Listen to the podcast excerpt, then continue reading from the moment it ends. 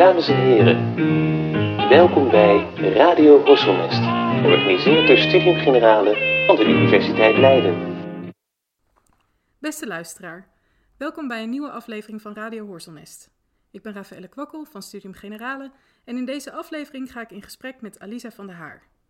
Alisa zal vertellen over haar onderzoek naar Peter Heijns, de bekendste Antwerpse schoolmeester van de 16e eeuw en tevens een getalenteerd en invloedrijke rederijker. Heinz had een Franse meisjesschool voor meisjes uit de goede burgerij, die gedurende zijn leven bekend was tot ver buiten Antwerpen. Ook zal Alisa stilstaan bij Magdalena Valerie, een oud-leerlinge van Peter Heinz, die een eigen school oprichtte hier in Leiden. In dit gesprek zal Alisa zo nu en dan naar beeldmateriaal verwijzen. Als u deze aflevering via YouTube beluistert, zult u de betreffende afbeelding op dat moment in beeld zien. Wie de aflevering beluistert via een van de audioplatformen, kan de afbeeldingen terugvinden op onze website. De link vindt u in de beschrijving van de aflevering. Alisa van der Haar is universitair docent bij het Leiden University Center for the Arts and Society. In 2018 promoveerde zij cum laude aan de Rijksuniversiteit Groningen. Haar boek The Golden Mean of Languages: Forging Dutch and French in the Early Modern Low Countries eh, verscheen in juli 2019 bij Bril. Alisa's onderzoek richt zich op de meertalige situatie in de vroegmoderne Nederlanden, de relaties tussen Franse en Nederlandse literatuur en de geschiedenis van talenonderwijs. Alisa, welkom. Dankjewel. Leuk, leuk om, ja, leuk om hier te zijn. Eh, we beginnen meteen bij het begin, bij Peter Heijns, een 16e eeuwse Antwerpse schoolmeester die na de val van Antwerpen naar de noordelijke Nederlanden vluchtte. En jij interesseert je al sinds je studententijd voor deze uitzonderlijke man, want hij was ook het onderwerp van je met de scriptieprijs van de werkgroep 17e eeuw en summa cum laude bekroonde masterscriptie. Wie was deze Peter Heijns en wat was het in zijn verhaal dat jou deed besluiten uitgebreid onderzoek naar hem te doen? Ja, dankjewel. Um, ik heb dus zelf Frans gestudeerd om een klein beetje achtergrond te geven bij hoe ik nou bij deze eh, Peter Heijns terecht ben, gekomen. En tijdens mijn eh, research master ging ik me steeds meer interesseren uh, voor het Frans in de Nederlanden. In de vroegmoderne periode en de middeleeuwen ook was, was het Frans gewoon een ontzettend belangrijke taal in die, in die regio. Um, dus ik besloot me daar steeds verder in te verdiepen. Uh, met name de regio Antwerpen ook, wat natuurlijk een, een bruisende metropool was, waar, waar het Frans gewoon een heel belangrijke taal was. En toen stuitte ik op, uh, op deze figuur Peter Heijns, um, die in de 16e eeuw een, uh, een Franse meisjesschool had in Antwerpen. Dus hij doseerde de Franse taal aan lokale meisjes uit de wat gegoede middenklasse. En ik vond dat zo fascinerend um, uh, om te lezen dat er, dat er dus echt een Franse school was waar je echt Frans moest, moest studeren. Nou ja, dat deed ik zelf natuurlijk ook, dus ik voelde me daar meteen door aangesproken. En überhaupt dat het om een meisjesschool ging. Dat was iets wat mij toen als student meteen verbaasde. Zo'n meisjesschool al in de 16e eeuw. En dan leerden ze ook nog Frans. Hè? Niet alleen maar handwerken of zo. dus ik vond dat heel interessant. En uh, besloot daar eens wat, wat nader naar te gaan kijken. En toen kwam ik er eigenlijk al heel snel achter dat deze Peter Heijns, hoewel die een beetje een vergeten figuur is. Als we aan de 16e eeuw denken, dan denken we aan grote namen als Willem van Oranje en Marnix en dergelijke. Mensen in wie ik me ook enorm interesseer. Maar deze Peter Heijns is toch een beetje in de vergetelheid geraakt. Maar hij is eigenlijk een heel interessant figuur om eigenlijk alle, allerlei verschillende ontwikkelingen die deze periode uh, kenmerken te benaderen. Uh, als je het hebt over de, de drukpers bijvoorbeeld. Hè, dat, is natuurlijk opgekomen in de 15e eeuw, maar in de 16e eeuw toch echt veel, veel wijder verspreid geraakt. En Peter Heijns is iemand die van die nieuwe technologie echt enorm gebruik heeft gemaakt op een heel strategische, goed uitgedachte manier. Verder natuurlijk nou, de positie van de vrouw in die samenleving hè, via de meisjesschool. Um, maar ook de religietwisten. De 16e eeuw is natuurlijk enorm gekenmerkt door de opkomst van uh, de reformatie. Daar heeft Heinz ook een belangrijke rol in gespeeld. Zelf uh, echt, echt persoonlijk daarin in betrokken geweest. Um, dat leidde uiteindelijk ook tot uh, het feit dat hij een van de vele vluchtelingen werd die uh, de zuidelijke Nederlanden hebben ontvlucht in deze periode. Een beetje rondgezwerfd heeft ook door Noord-Europa. Dus die hele vluchtelingenproblematiek rond de 16e eeuw. Um, de taalkwestie van deze periode is iets waar we zeker nog meer over te spreken zullen komen, waar Heinz bij betrokken is geweest. De 16e eeuw is echt de eeuw waarin men ging nadenken over de volkstalen. Van wat, moeten we hier nou mee? Uh, welke taal moeten we nou gaan spreken met z'n allen? En hoe moet die taal eruit gaan zien? En Heinz is iemand die daar heel um, bewust positie in heeft, uh, heeft ingenomen. En uiteindelijk ben ik natuurlijk toch letterkundige. En hij is ook iemand geweest die zich in de letterkundige kwesties van deze periode uh, heeft gemengd. Uh, en ook uh, allerlei literaire vooruitgangen zijn terug te zien in zijn werk. Dus iemand in wie eigenlijk alles samenkomt. Als je geïnteresseerd bent in de 16e eeuw, dan, dan is hij echt iemand aan wie je alles kunt illustreren en alles eigenlijk verder kunt, uh, kunt bekijken. Dus daarom vond ik hem zo'n interessant figuur dat ik me er eigenlijk sindsdien altijd mee bezig heb gehouden. Hoewel ik ook zeker in andere figuren geïnteresseerd ben en, uh, en ook bestudeerd heb. Maar hij is toch iemand die steeds weer terugkomt. Ja, vanwege die veelzijdigheid en, en hoe hij een soort goed voorbeeld is van alles wat in die 16e eeuw zich heeft ja. afgespeeld. Ja. ja. En van het meertalige karakter van de 16e eeuw, waar je onderzoek naar doet. Misschien is het goed om, om dat even wat toe te lichten. Wat, wat die meertaligheid van de Nederlander, hoe, hoe, dat er, hoe we ons dat voor moeten stellen. Welke talen er precies in, in omloop waren, om het maar zo te zeggen. Of in gebruik waren, is misschien een betere formulering. ja, uh, ja die, die 16e eeuwse Nederlanden zijn uh, echt fascinerend voor, voor wie geïnteresseerd is in taalkwesties. Omdat er heel veel tegelijk gaande is eigenlijk. Um, iedereen denkt vaak van, uh, oh, na de middeleeuwen is het Latijn niet meer zo belangrijk. Maar in de 16e eeuw was het Latijn zeker nog wel van groot belang um, uh, naast de verschillende volkstalen. Uh, je ziet wel dat de positie van het Latijn wat anders wordt in deze periode. Um, maar goed, je hebt gewoon nog altijd die belangrijke elitaire Latijnse taal naast de volkstalen. Dus dat is iets wat natuurlijk het hele Europese gebied in deze periode kenmerkt. Maar daarnaast is er, zijn er nog meer dingen aan de hand in de Nederlanden die dit zo'n interessant gebied maken. Je moet je namelijk beseffen dat in deze periode, eind middeleeuwen, 16e eeuw, de Nederlanden als, als gebied eigenlijk niet alleen het huidige Nederland bestreken, maar ook het, het huidige België, een groot deel daarvan, en zelfs een stukje van Noord-Frankrijk. Dus iedereen kent natuurlijk de huidige taalproblematiek in België. We weten allemaal hoe lastig het daar ligt met het Nederlands en het Frans en Brussel, wat dan wel Franstalig is en het Nederlands, Nederlandstalig gebied, et cetera. En hoe, hoe politiek gevoelig dat soms ook kan liggen. Nou ja, in de 16e eeuw hoorde dat gebied gewoon bij de Nederlanden.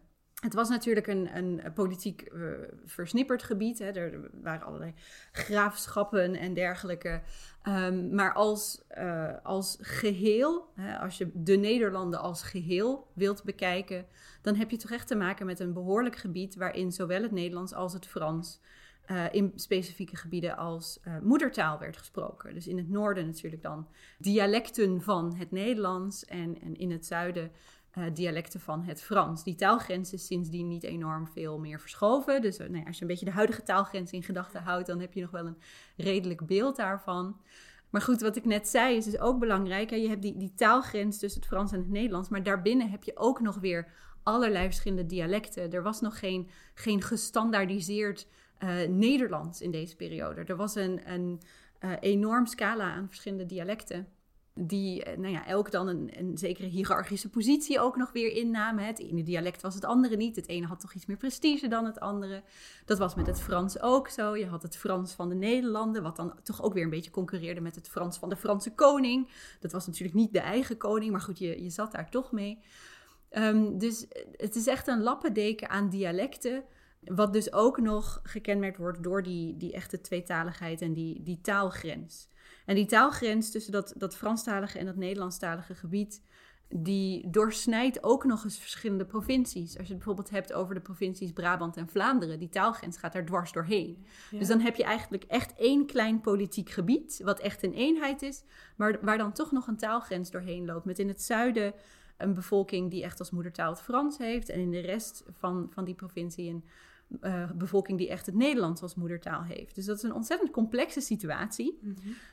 Waarbij het ook nog zo is dat in het Nederlandstalige gebied uh, het Frans wel een prestigetaal was. In het Franstalige gebied was het Nederlands dat niet zozeer. Het, ging niet per se uh, twee kanten op, hoewel er ook wel gevallen bekend zijn van moedertaalsprekers van het Frans die wel Nederlands wilden leren. Maar vaak is dat dan toch andersom. Uh, omdat het Frans ook in de in principe Nederlandstalige gebieden wel een belangrijke rol had, bijvoorbeeld in de rechtspraak. in de verschillende overheden. Uh, maar zeker ook daar waar het internationale contexten betrof. Of eigenlijk moet ik interregionale zeggen, want er waren nog eigenlijk geen nazistaten in deze periode. Dus om het anachronisme te vermijden, hebben we het dan meer over interregionale contexten. Uh, als je het hebt over diplomatie bijvoorbeeld, uh, of handel, wat natuurlijk voor de Nederlanden in deze periode ontzettend belangrijk was. Ja. De steden als Brugge, Gent, Antwerpen waren echte handelssteden. Ja.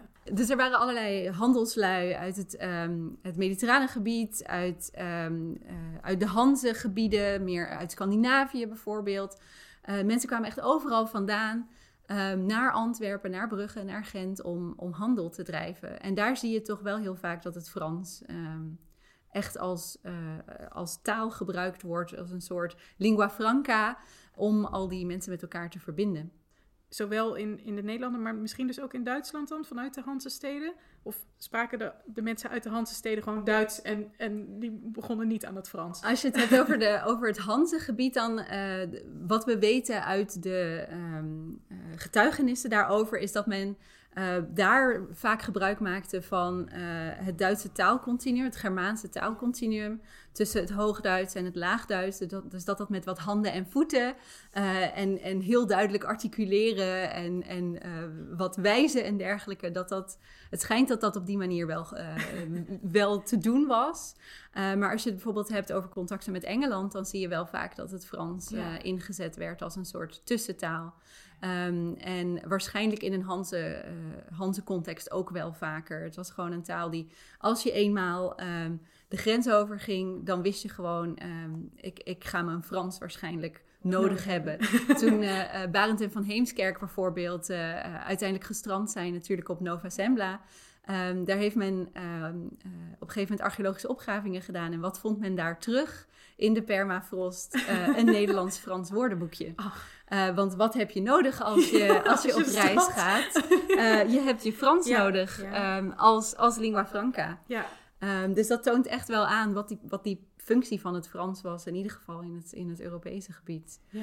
En als je het hebt over uh, onderwerpen als religie, vooral binnen, um, uh, binnen de protestantse kerk werd het Frans heel belangrijk. Vanuit Calvinisme natuurlijk, het psalmboek van Calvijn, bijbelvertalingen en dergelijke. Eh, de eerste uh, geloofsbeleidenis. Dat komt allemaal vanuit het Frans, vanuit, uh, vanuit de, de, groep rond Calvijn. En daarmee heeft dat Frans dus ook weer een heel belangrijke rol. Dus je ziet dat het ook vaak wel gekoppeld is aan de ontwikkelingen uit deze periode. Nou ja, zoals die, die religieontwikkelingen bijvoorbeeld.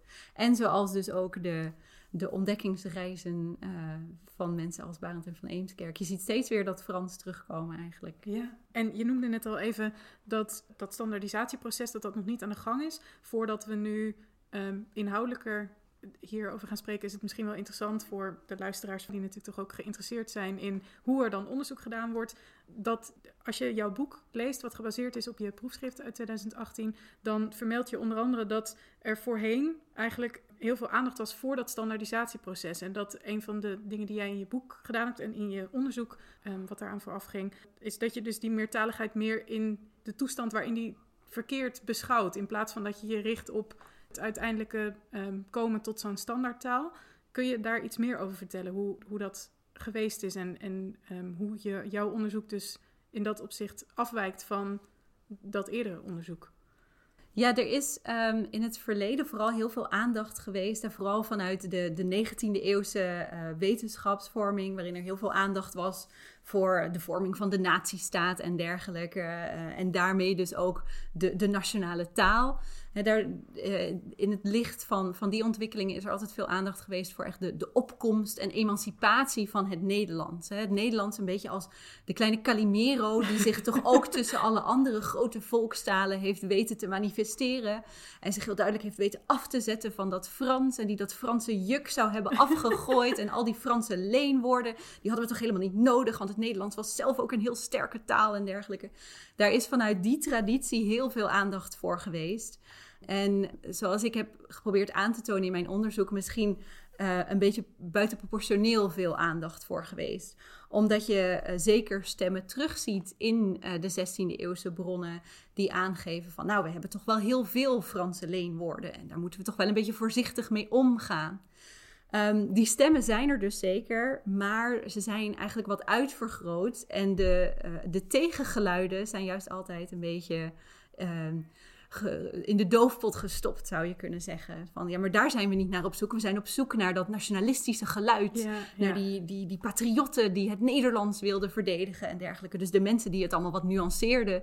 En die zeiden van nou, maar uh, dat Frans is toch zo slecht nog niet. Die zijn altijd een beetje aan de kant geschoven. En die heb ik geprobeerd uh, in mijn onderzoek juist weer uh, naar voren te halen. En juist weer een stem te geven. Om te laten zien dat het niet een eenduidige. Um, beweging is in de richting van uh, één Nederlands, één volkstaal voor, voor alle Nederlanders. Uh, en die moet er zo uitkomen te zien en die moet vooral uh, loskomen te staan van het Frans. Maar nee, dat er echt een heel debat gaande was van oké, we gaan iets moeten doen. Hè? Alle Europese talen worden op dit moment onder de loep genomen. Laten we ook eens gaan kijken van naar dat Nederlands. wat gaan we daarmee doen? Wat, wat zou daar de beste vorm voor kunnen zijn? Is dat Nederlands wel rijk genoeg qua woordenschat bijvoorbeeld? Kunnen we wel alles uitdrukken in het Nederlands wat we willen? Of hebben we dan misschien toch een paar van die Franse leenwoorden nodig? Uh, moeten we dan nog iets doen met die leenwoorden om ze te naturaliseren? Zeg maar? Moeten we daar een mooi Nederlands uh, suffix achter plakken, zodat het een mooi Nederlands woord wordt? Of gaan we proberen dat te vertalen? Ik heb willen laten zien dat er dus een hele beweging was van mensen die daar bewust mee bezig waren. Um, en uh, juist heel erg keken naar het voorbeeld van het Frans. Omdat ja, men daar ja, al iets verder was. In, het, in Frankrijk hadden ze precies hetzelfde probleem met bijvoorbeeld het Latijn en het Italiaans. Um, wat was nou beter? Uh, was Italiaans nou een betere taal omdat het dichter bij het Latijn stond? Of, of, had Frans net zoveel recht om er te zijn? Zeg maar. Wat doe je met Latinisme? Dat soort uh, discussies waren er in Frankrijk net zo. Wat doe je met spelling bijvoorbeeld? De grammaticale regels. Uh, dus men keek heel erg naar die discussies in Frankrijk. Um, en in plaats van dat dat allemaal slaafs overgenomen werd, werd er heel kritisch over nagedacht. Van oké, wat zijn hier nou de best practices, zeg maar, om een heel modern uh, hip woord te gebruiken. En hoe kunnen we dat inzetten voor uh, het Nederlands? Dus in plaats van um, dat er alleen maar stemmen waren die, die zeiden we moeten af van dat Frans en we gaan het Nederlands emanciperen, waren er vooral heel veel stemmen die met elkaar in discussie waren over van oké, hoe gaan we dit aanpakken? Hier hebben we het Franse model. Wat kunnen we daarmee? Nou ja, laten we op deze manier naar het Nederlands kijken. En er waren zelfs stemmen die zeiden: um, we zijn een tweetalige ja, land. Ja. Dus um, Frans is net zozeer uh, een taal van de Nederlanden als Nederlands. Dus het, het idee is steeds geweest, hè, vanaf de 19e eeuw, uh, in, in um, geschiedenissen die van de Nederlandse taal zijn geschreven, dat als je een goede patriot was in de 16e eeuw, dat je dan een voorstander van het Nederlands was en een tegenstander van het Frans.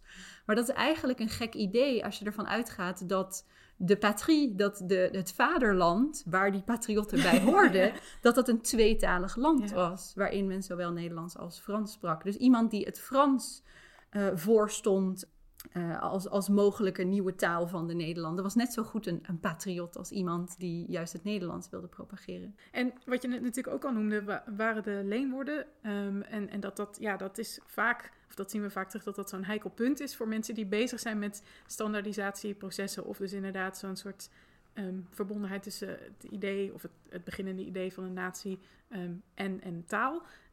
dan, dan kunnen we via die leenwoorden misschien terugkeren naar, naar Peter, uh, naar Peter Heins, die daar op twee manieren mee omsprong. Die misschien al meteen laten zien dat dat, dat dus niet zo'n eenzijdige discussie is of zo. Dat, dat mensen niet zo uniform daarover denken als soms gedacht wordt.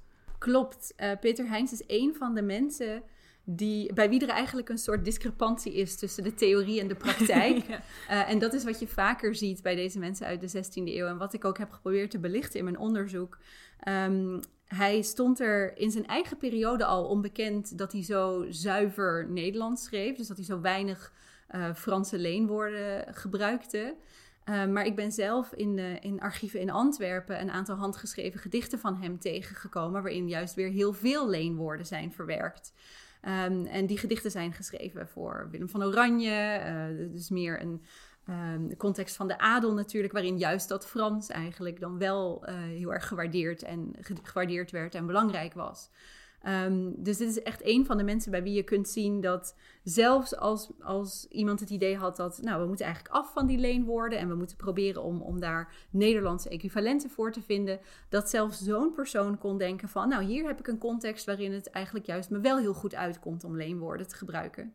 En dat zie je niet alleen bij iemand als Peter Heijns, maar dat zie je ook bij iemand als Kornhert, voor velen wel bekend, die echt bekend staat als een grote purist, die zich enorm hard heeft gemaakt voor de uh, zuivering van de Nederlandse taal en het uitwerpen van alle Franse leenwoorden. Zelfs bij, uh, bij hem kom je uh, toch allerhande leenwoorden tegen als hij het bijvoorbeeld heeft over een juridische context. Um, over de berechting van criminelen. Uh, dan heeft hij te maken met een domein waarin uh, leenwoorden gewoon uh, erg gebruikelijk waren. En om dan zijn punt te maken, gebruikt hij toch die leenwoorden om toch mee te praten met het, het jargon van het beroepsdomein waar hij zich in probeert te mengen. Dus dat zie je vaker, dat, dat er soms wat, uh, wat een verschil is tussen, tussen theorie en praktijk.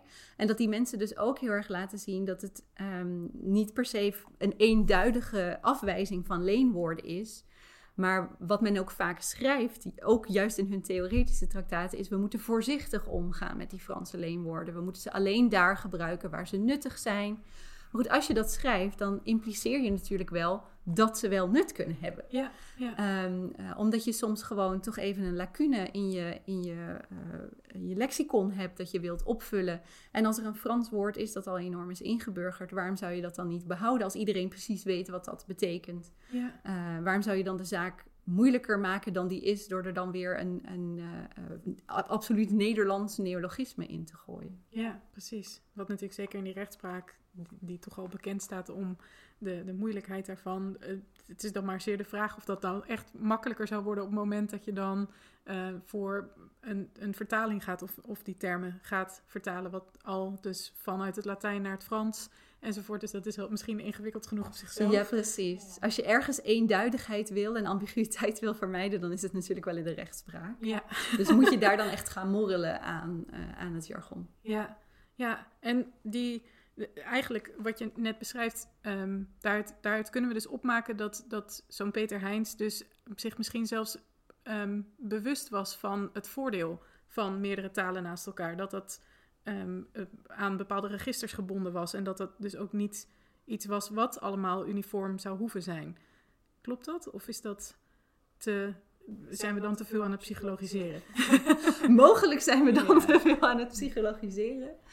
Um, maar ja, je ziet natuurlijk wel dat het Frans uh, uh, en ook een, een Nederlands dat gevuld is met Franse leenwoorden, dat dat in bepaalde kringen natuurlijk meer gewaardeerd wordt dan elders. Dat is iets wat je zeker wel terugziet natuurlijk. Ja, en ik kan me voorstellen dat dat dus ook de, de context was waarin um, de meisjes die uiteindelijk naar zijn school toe gingen, zijn opgegroeid zelf. Weten we daar iets van? De meisjes die, uh, die naar zijn, uh, zijn school gingen, waren vooral meisjes, zoals ik zei, uit de gegoede burgerij, de, de, de wat rijkere middenklasse en dan voornamelijk de koopmansmilieus. Uh, waar we het al eerder over gehad hebben, juist voor de handel was het Frans gewoon een ontzettend belangrijke taal. Hè. Daar waar mensen uit verschillende regio's samenkwamen, daar was het Frans echt een, een belangrijke verbindende factor.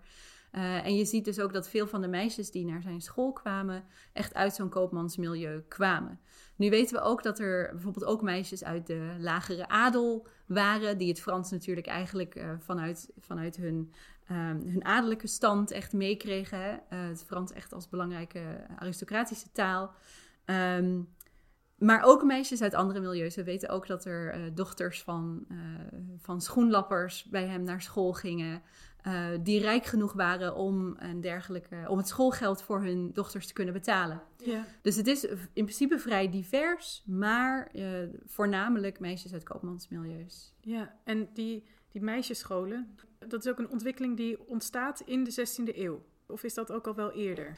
Eerder zie je al wel dat er uh, meisjesscholen zijn in de Nederlanden. Je ziet um, in de 15e eeuw zijn er al wel uh, bijvoorbeeld Dietse scholen waar meisjes ah, naartoe ja. kunnen gaan. Diets uh, als in de zin, in de zin van Nederlands.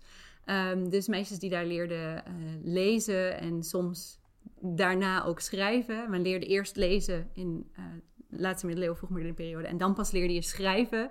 Daarom weten we ook maar zo weinig van uh, de geletterdheid in deze periode, omdat ehm, kunnen lezen niet per se betekenen dat je ook je naam kon schrijven, Nee, nee, bijvoorbeeld. Ehm, en met name voor meisjes uit adellijke milieus was er natuurlijk wel privéscholing beschikbaar. Dus het, het principe van meisjesonderwijs was niet volledig nieuw. Wat wel nieuw is in het begin van de 16e eeuw is de opkomst van de Franse scholen. Uh, met name dus in steden als Antwerpen, Brugge uh, en Gent. Uh, echte handelsmilieus waar behoefte is aan scholing in het Frans op een wat grotere schaal. Um, in eerste instantie vooral voor jongens, van wie men al weet dat ze, dat ze later zelf koopman zullen worden.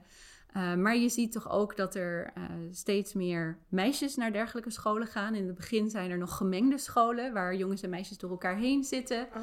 Dat wordt al vrij gauw de kop ingedrukt, uh, omdat men dat toch niet zo'n goed idee vond. Dus van hogerop heeft men al vrij snel daar een verbod op ingesteld. En vanaf dat moment, echt de eerste decennia van de 16e eeuw, zie je dat er aparte uh, aparte scholen komen. Franse scholen voor jongens en Franse scholen voor meisjes. En dan zie je ook dat het curriculum een beetje gaat verschillen. dus wat je in ieder geval in, leerde aan een Franse school was dus weer eerst lezen en dan schrijven. Eerst in het Nederlands en vervolgens ook in het Frans. En je leerde daar ook vaak boekhouden.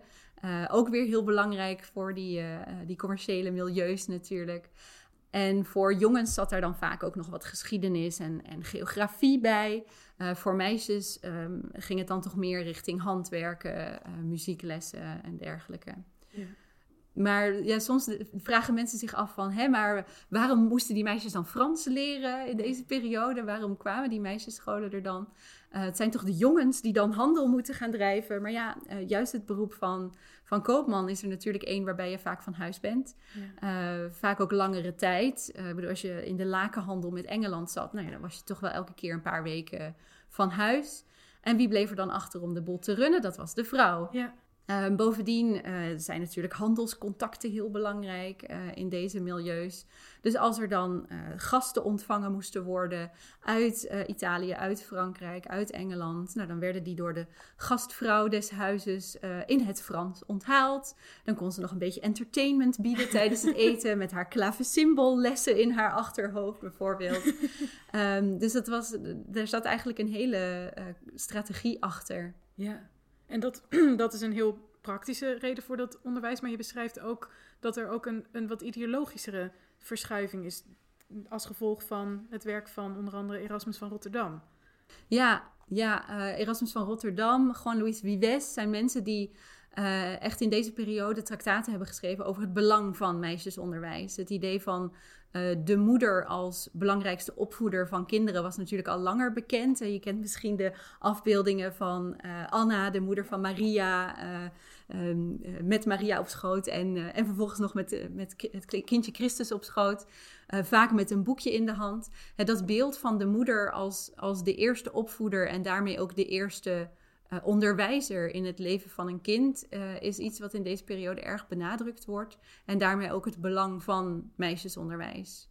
Uh, dat zie je echt steeds sterker naar voren komen in deze periode. Ja, en, en dat onderwijs dat is voor een deel gemodelleerd naar de eerdere Latijnse scholen. En daar zit met dat humanisme en, en die Latijnse scholen het zit een brug naar, naar een van de dingen die heel uniek zijn voor Peter Heijns. Of wat, waarvan we in ieder geval een hoop over hebben, namelijk zijn toneelteksten. En daar heb je ook veelvuldig onderzoek naar gedaan. Naar het, het toneel, wat dus ook heel specifiek gericht is op meisjes en op, op de meisjes die hij les gaf. Dat klopt. Uh, Heinz was, was iemand die, um, hoewel hij waarschijnlijk zelf niet naar de universiteit is gegaan, wel Latijn kon en heel geïnteresseerd was in humanistische ontwikkelingen in deze periode. Die dat allemaal op de voet volgde. Um, en iets wat uh, heel populair was in de Latijnse scholen van deze periode, was uh, het actief gebruiken van uh, de doeltaal als de voertaal. Wat je vandaag de dag ook wel ziet, hè, op steeds meer middelbare scholen wordt het Frans echt gebruikt als voertaal in de les ook. Ja, dus dan, ja. Nou ja, de docent die verwelkomt de, de leerlingen al met bonjour la classe, um, en de, de, hele les wordt eigenlijk in het Frans gegeven vanuit het idee dat je een taal niet per se alleen leert door de grammaticale regels uit je hoofd te stampen, maar juist ook door het te doen. Dat is vandaag de dag steeds populairder. Op steeds meer scholen zie je dat dergelijke methoden worden toegepast. In de 16e eeuw was dat ook zo. Het is eigenlijk een trend die je op meerdere momenten in de geschiedenis terug ziet komen. In de 16e eeuw was dat dus zeker zo. Het idee van doeltaal is voertaal. Dus aan de Latijnse scholen werd Latijn gesproken. Stond er soms ook een straf op, weten we, als je in de pauze dan niet Latijn sprak, maar even een woordje Nederlands tegen je beste vriend sprak. Um, dat is iets wat je in de Franse scholen ook wel terugziet. En vooral de nadruk op um, uh, het gebruiken van de taal en het spreken van de taal. Dus je ziet in deze periode heel veel conversatieboekjes met voorbeelddialoogjes die je eigenlijk kon uitspelen als, uh, als, als je twee leerlingen naast elkaar zette. Dan speelde de een de ene rol en de ander de andere rol. En dan kon ze zo hard op een Franse conversatie oefenen, zeg maar, door zo'n boekje te gebruiken. Dus dat, dat dramatische aspect, zou je kunnen zeggen, dat, dat soort van theateraspect in de klas was eigenlijk al heel belangrijk. Er werd heel veel geoefend met voorbeelddialoogjes. En in de Latijnse scholen zie je in deze periode ook het principe van schooltoneel opkomen. Dus dat er uh, soms uh, echt klassieke toneelteksten, uh, bijvoorbeeld van, van, van, Terentius, werden gebruikt, die dan werden opgevoerd door de leerlingen. Maar je ziet ook dat humanisten zelf echt nieuwe schooltoneelteksten hebben geschreven voor het klaslokaal, met dan wat meer zedige teksten en, en wat, wat ernstiger, soms met, met een duidelijke moraal daarin. Um, vooral gemodelleerd op de, de kinderen die wat jonger zijn. En Heinz was zich daarvan bewust en die heeft die methode ook toegepast in zijn eigen school. Hij heeft minstens drie, maar waarschijnlijk uh, nog wel meer, uh, toneelteksten geschreven voor de meisjes in zijn school. Um, wat betekent dat het uh, toneelteksten zijn met uh, eigenlijk alleen maar vrouwelijke rollen. In één van de drie zit eigenlijk één mannelijk rolletje, maar dat is een man die ergens helemaal in de verte staat. En iemand zegt: Oh, kijk, daar staat een man. Uh, dus dat, nou ja, het is niet duidelijk of daar dan een, een, meisje verkleed stond als, als man, of dat ze dan toch even een broertje hebben gevraagd om daar te gaan staan. Maar in principe dus alleen vrouwelijke rollen. Um, het zijn drie toneelteksten en die uh, elk eigenlijk één van de fasen in het leven van de vroegmoderne vrouw beschrijven. En dat is heel interessant. Dus er is er eentje voor de jonge vrouw die haar uh, echtgenoot moet gaan uitkiezen. En volgt ze daarbij het advies van haar ouders of besluit ze te trouwen voor de liefde? Zo, en, uh, is, uh... Uiteraard begrijp je dat degene die trouwt voor de liefde, dat gaat helemaal mis. Oh, en oh, dat, dat, dat, dat wordt, dat wordt een dronken laf en dat gaat, dat gaat helemaal de verkeerde kant op. Um, er is er één over de fase van het moederschap. Uh, die helemaal gaat rond de moeder van Mozes, uh, die dan haar kindje redt door hem in de rivier te zetten natuurlijk. En er is er één over uh, de weduwe. hoe je je gedragen, moet gedragen als weduwe, wat dan je positie in de maatschappij is. Ja. Dus echt fascinerende teksten. Ja. de eerste over de, de jonge vrouw die haar echtgenoot moet kiezen is vooral ook fascinerend, omdat het gaat over twee zussen die um, in een uh, een onbepaalde Nederlandse stad wonen die heel erg op Antwerpen lijkt. Um, uh, die allebei getrouwd zijn met een handelaar. En dan is hun man een tijdje van huis. En dan moeten ze zelf de boel runnen. En dan, dan gaan ze failliet. En uh, ondertussen bespreken ze nog even: ja, hoeveel ben jij eigenlijk wekelijks kwijt aan stookkosten? En hoeveel spendeer je aan vlees en dergelijke? dus het zijn teksten waar je heel erg kunt zien dat ze geschreven zijn voor die meisjes. Ja. Om ze echt allemaal lessen mee te geven voor hun latere leven. Maar die voor ons nu heel interessant zijn, omdat je echt een inkijkje krijgt in een Antwerps huishouden van ja. die periode. Uh, alleen al voor hoeveel ze besteden aan, uh, aan stookkosten bijvoorbeeld. Ja. Dus het is, echt, uh, het is echt fascinerend. En de laatste tekst die over de weduwe uh, die gaat over de, de Joodse heldin uh, Esther, die haar uh, volk weet te bevrijden van de, de tirannie van Holofernes. door hem te verleiden en dan s'nachts zijn hoofd eraf te hakken. Nou, dat is misschien een onderwerp waarvan je denkt: het is niet helemaal geschikt voor, voor meisjes van deze leeftijd. We hebben het over meisjes van 7 tot 15 jaar ongeveer. Ja, ja. Maar Heinz had ook andere bedoelingen met deze tekst. Het is namelijk tegelijkertijd ook een soort propagandatekst in de context van de Nederlandse opstand. Ja. Tegen uh, Philips II van Spanje, de, de, de Holofernes, de Holofernes van die tijd. Um, misschien was hij op zoek naar een, een nieuwe Esther. um, uh, dat is niet helemaal duidelijk, maar er zit in ieder geval een heel scherpe ondertoon in. Ja, ja. Um, met het lijden onder het juk van een tiran en dergelijke. Dus zo zie je dat, dat zelfs in, in die schoolteksten er echt weer een link is met, met de toenmalige actualiteit, Ja. die echt eh, fascinerend is. Tegelijkertijd zie je dat Heinz eh, kennis van, van die humanistische ontwikkelingen er heel erg duidelijk in naar voren komt. Ze zijn allemaal netjes in vijf akten met een Ah, koor kijk. ertussen. Dat volgt natuurlijk helemaal de trend van deze periode. Dus het was duidelijk iemand die eh, niet alleen zijn lesjes afdraaide en eh, weer naar huis ging, maar iemand die, die heel erg op de hoogte was van wat er allemaal speelde en bezig was met, met vernieuwing en, eh, en dat zelf ook wilde toepassen. Die bezig was met de ontwikkelingen van zijn tijd op het gebied van meisjesonderwijs, op het gebied van politiek, van religie. Het komt allemaal samen. En die dus inderdaad zijn onderwijspraktijk, als het ware zijn literaire bezigheden liet informeren en andersom. En dus voor best een jonge leeftijdsgroep ook. Als je zevenjarige natuurlijk de tirannie van die tijd probeert uit te leggen, dan is misschien theater inderdaad wel een heel goede vorm om dat inzichtelijk te maken. Wie weet. Wie weet. Het is ook een riskante vorm, Ja. want we weten dat hij ehm, niet alleen protestantse meisjes op school had. Wat ook zo interessant is, namelijk aan de school van Heinz, ehm, is dat ehm, het heel goed gedocumenteerd is. Ehm, we hebben namelijk eh, van verschillende jaren de administratieboekjes die Heinz heeft bijgehouden. Eh, wat echt fantastische bronnen zijn, eh, omdat daarin precies staat aangetekend welke meisjes bij hem wanneer school gingen. Ja. Dus we weten precies hoeveel meisjes tegelijk hij les gaf, uit wat voor milieus die meisjes kwamen. Bovendien tekende hij ook aan wat hij voor die meisjes aanschafte. De leerlingen in zijn school konden namelijk in de kost gaan. Die konden daar ook uh, blijven overnachten.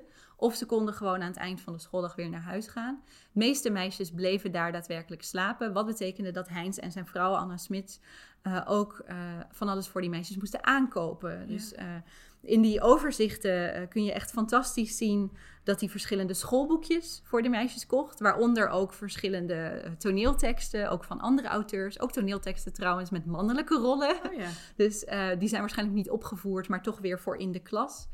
Um, maar we weten ook nou ja, dat hij papier en pennen voor ze kocht. Uh, kammen, naalden voor het handwerken natuurlijk. En het geeft soms ook echt een, een prachtig inkijkje in het, het leven van die tijd. Er is bijvoorbeeld één meisje waarvoor is aangetekend dat de dokter moest komen. En een paar maanden later zie je dat er een lijkwade voor haar is aangeschaft.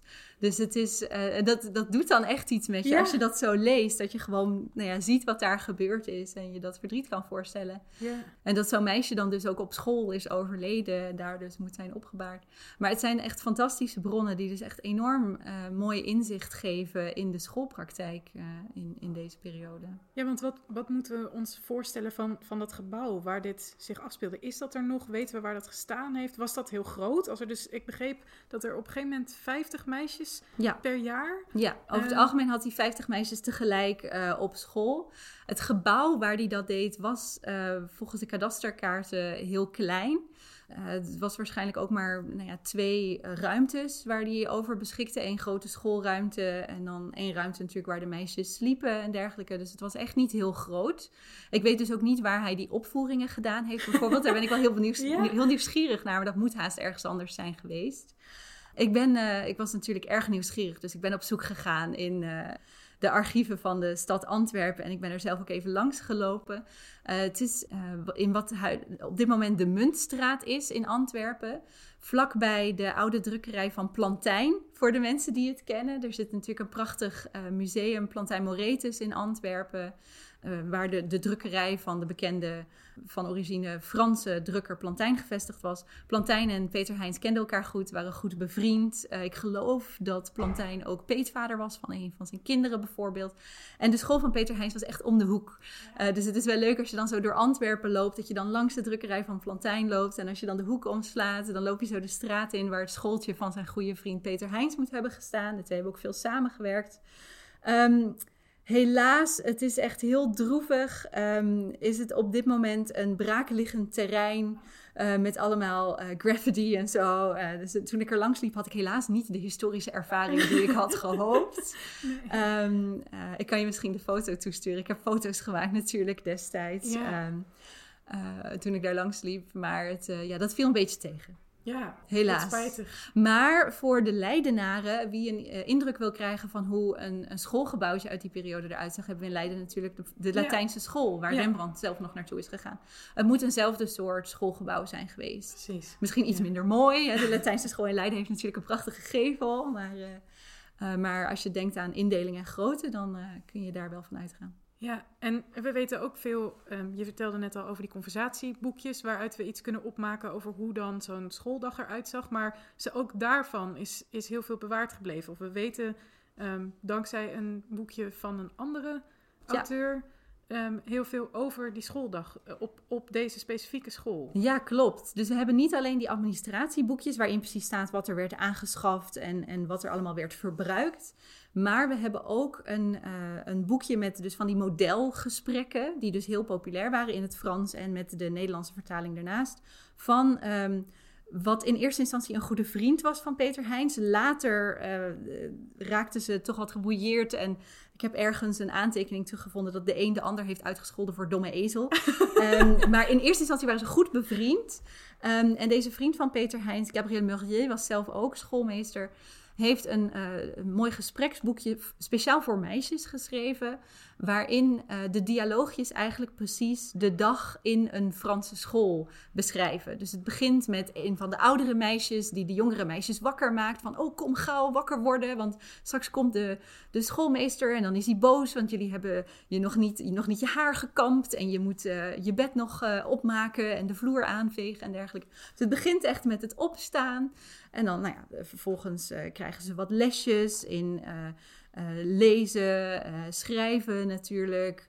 Eh, er is eh, tijd ook even voor eh, sport en spel in de pauze natuurlijk. Eh, dan gaan ze met z'n allen aan het eten. Smiddag zijn er muzieklessen, zijn er handwerklessen. Eh, S S'avonds gaan ze weer met z'n allen aan het eten. En dan moeten de meisjes mooi alles weer eh, schoonmaken en klaarmaken voor de volgende dag. En dan gaan ze zo langzaam richting, eh, richting bedtijd. Dus dat is natuurlijk ook weer een prachtige bron. In combinatie met ehm, die administratieboekjes. Voor hoe een reguliere dag in zo'n school er nou moet hebben uitgezien. Het is natuurlijk fictie. er zitten wat grapjes in. En er, er wordt wat mee gespeeld. Maar eh, het, het, het is eh, om een globaal beeld te krijgen van hoe zo'n dag eruit zag. Natuurlijk wel echt prachtig. Ja, en gegeven wat je net al eerder vertelde, ook over hoe Heinz zelf natuurlijk die teksten toch wel erg op de actualiteit en de realiteit leek af te spiegelen, dan ja, het- natuurlijk blijft het moeilijk om dat vast te stellen, maar je kunt daar inderdaad wel toch eh, een en ander uit afleiden, Ja. als ik het goed begrijp. Ja, het zijn echt prachtige, prachtige bronnen. Ja, heel bijzonder dat er zoveel van over is gebleven. Maar heeft dat ook te maken met, met dus die samenwerking met die plantijn? Dat vermoed ik wel. Eh, de boekjes waar ik het over had, worden namelijk ook nog altijd bewaard in het museum Plantijn Moretus. Eh, zoals ik al zei, de twee waren goed bevriend. Ehm Heinz is eh, zelf op enig moment gevlucht, waarschijnlijk vanwege zijn protestantse sympathieën. Eh, Plantijn is in ieder geval naar de buitenwereld toe altijd braaf katholiek gebleven. Heeft Antwerpen dus niet hoeven ontvluchten toen, toen alles misging. Ehm, en ik weet natuurlijk niet precies hoe dit allemaal is gegaan. Maar het feit dat de administratie van Peter Heijns nog altijd bewaard wordt in het archief van het Plantijn Moretus, doet natuurlijk wel vermoeden dat eh Heijns op het moment dat hij eh, eh, op het punt stond om te vluchten, ehm, een deel van zijn inboedel naar zijn goede vriend Plantijn zal hebben gebracht. Ja. En dat het op die manier in de archieven van, van het museum terecht is gekomen. Nogmaals, ik kan dat niet hard maken, maar goed, ze kenden elkaar zo goed. Het zat bij elkaar om de hoek. Ja. Ehm, daar, daar lijkt wel een directe connectie voor de hand te liggen. Ja. En dat maakt het ook ehm, eh, dat dit materiaal zo bijzonder is. Want dit, dit hebben we eigenlijk verder niet, dergelijk materiaal. Met echt lijsten en lijsten met namen van meisjes en uitgaven en dergelijke. Dat is natuurlijk bij uitstek materiaal dat, dat zodra het niet meer relevant is... en zodra alle rekeningen zijn Ja. vereffend, ehm, dan wordt dat gewoon weggedaan. Ja. Eh, dus het is heel bijzonder dat we dat nog hebben. Ja, en aan de hand daarvan heb je toch ook weer iets kunnen afleiden over een van de vrouwen, die hij, meisjes die hij lesgegeven heeft. Dat Ja. brengt ons misschien bij, ehm, ik noemde Magdalena Valerie al even in de introductie, maar je noemde zelf net Anna Smit natuurlijk al, Ja. zijn vrouw. Ehm, je hebt ook onderzoek gedaan naar een aantal meisjes of vrouwen die, die zelf onderwijzeres werden en een aantal daarvan hebben ook eerst les gehad bij eh, Peter Heins of op soortgelijke scholen. Ja. Zou je daar iets over kunnen vertellen? Ja, eh, want ik, nou ja, zoals ik al zei, was ik erg geïnteresseerd in het, het onderwijs van meisjes in de- deze periode. En het viel me al heel snel op hoeveel vrouwelijke docenten er ook actief waren in deze sector.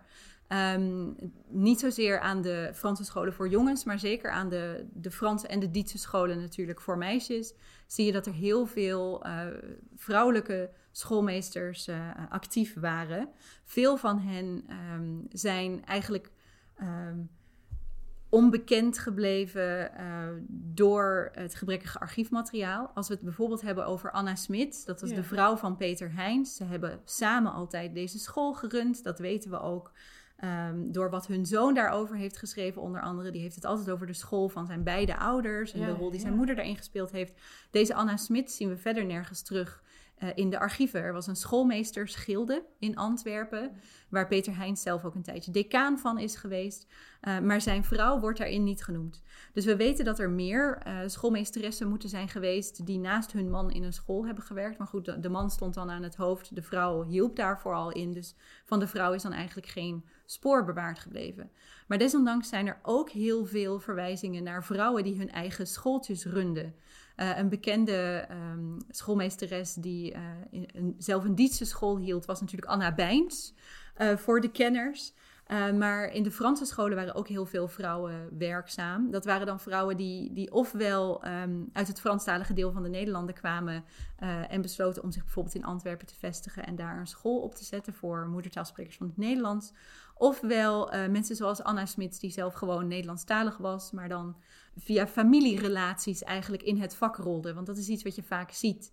Toen Peter Heijns kwam te overlijden, heeft zij ook de school voortgezet, bijvoorbeeld. Um, veel van hun, ze hadden meerdere kinderen en meerdere daarvan zijn zelf ook het vak ingerold, zowel uh, jongens als meisjes. Dus dat is wat je vaak ziet, dat ofwel als de echtgenoot schoolmeester is, ofwel als, als de ouders in het schoolmeestersvak uh, zaten. Uh, dat jonge vrouwen er dan voor kozen om zelf ook uh, een, een, eigen schooltje op te zetten of uh, eventueel te gaan werken bij een, een bestaande school. Dat kan natuurlijk. We hebben dus Anna Smits genoemd, de vrouw van Peter Heijns. We hebben het ook even gehad over die, die administratieboekjes die dus in het Museum Plantijn Moretus liggen. En waarin dus die hele lijsten staan met namen, die, namen van meisjes die bij Peter Heijns zelf naar school zijn geweest. Um, en tussen die namen kwam ik er één tegen die ik herkende uh, vanuit mijn interesse ook uh, in de rol van het Frans in Leiden, de stad waar ik nu werk. Namelijk Magdalena Valerie, je noemde haar al, die zelf een Franse school heeft gehouden in Leiden. Dezezelfde Magdalena Valerie kwam ik tegen in de administratieboekjes van Peter Heijns. En zo weet ik dus dat, uh, dat zij zelf van hem les heeft gehad. Er was geen beroepsopleiding voor uh, docenten in deze periode. Uh, dus uh, ik vroeg me steeds af van, maar wat voor onder, opleiding of onderwijs hebben deze mensen zelf genoten voordat ze voor de klas kwamen te staan? En doordat ik Magdalena dus terugkwam in de registers van Peter Heijns, weten we daar nu iets meer over. Namelijk dat zij dus zelf bij hem inderdaad naar een Franse school is geweest. Ook nog naar verschillende andere Franse scholen in de andere steden waar ze heeft gewoond. Voordat ze zelf uiteindelijk in Leiden terecht is gekomen en daar haar schooltje heeft opgezet. Magdalena is zelf uh, van oorsprong een hugenote. Zij komt uit Frankrijk. Haar familie kwam uit Frankrijk. Waren dus protestanten, hugenoten, die voor, uh, voor hun geloof uh, Frankrijk hebben verlaten. Vanwege de, de omstandigheden daar, de religieoorlogen. die in eerste instantie in Antwerpen terecht zijn gekomen. Waar zij dus naar de school ging van Peter Heijns. Toen Antwerpen ook niet meer veilig was voor protestanten, zijn ze uh, doorgegaan. En uiteindelijk is zij dus in Leiden terechtgekomen. Ik ben natuurlijk even in Leiden in de archieven gedoken ja. om wat meer over haar te, uh, uh, te weten te komen. En heb onder andere gevonden waar haar schooltje precies geweest moet zijn. Dat was op de kruising van de Hooigracht en de Hogewoerd. Daar ben ik natuurlijk even langs gefietst. En op dit moment zit daar Karels Biofriet. um, het huidige pand is helaas niet meer um, het schooltje dat zij daar destijds gehad moet hebben. Maar dat moet ongeveer de locatie zijn geweest waar zij haar schooltje heeft, uh, heeft gehouden, inderdaad. Ja, dat is toch wel heel bijzonder. En ook uh, in het artikel wat je daarover schreef voor Historica, uh, beschrijf je ook dat je eigenlijk via het geloof ik, de registers dus ook hebt kunnen vaststellen dat zij de zus was van een andere bekende Nederlander uit deze tijd. dat klopt inderdaad.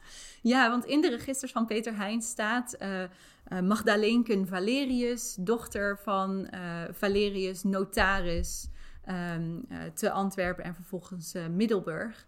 En zo weten we inderdaad dat zij de zus moet zijn geweest van Adriaan Valerius of Valérie die vooral bekend staat om zijn Nederlandse gedenkklank, een geuzenliedboekje, waarin de oudste melodie van het uh, Wilhelmus bewaard is gebleven. Dus nou ja, weer een geuzenliedboekje, weer die protestantse connectie. Ja. Uh, maar een familie dus die, die gevlucht is uit Frankrijk en vervolgens heel interessante dingen heeft gedaan toen ze zich in Nederland hebben gevestigd. Ja, ongelooflijk toch? Dat dat dan inderdaad op basis van de administratie van een school, wat een heel praktisch ding is, dat je dan nu zulke eigenlijk hele bijzondere informatie terug kunt traceren, als het ware, op basis van, ja. van zo'n administratief overzicht van gewoon gebruiksgoederen. Ja, precies. Nou ja, en met name die vondst van die verwijzing naar die lijkwaden, dat was voor mij echt een moment dat je zo even vergeet waar je bent, waar je zit en echt zoiets hebt van, maar het is echt heel treurig wat ik hier aan het lezen ben. Echt even zo'n historische ervaring zou je kunnen zeggen.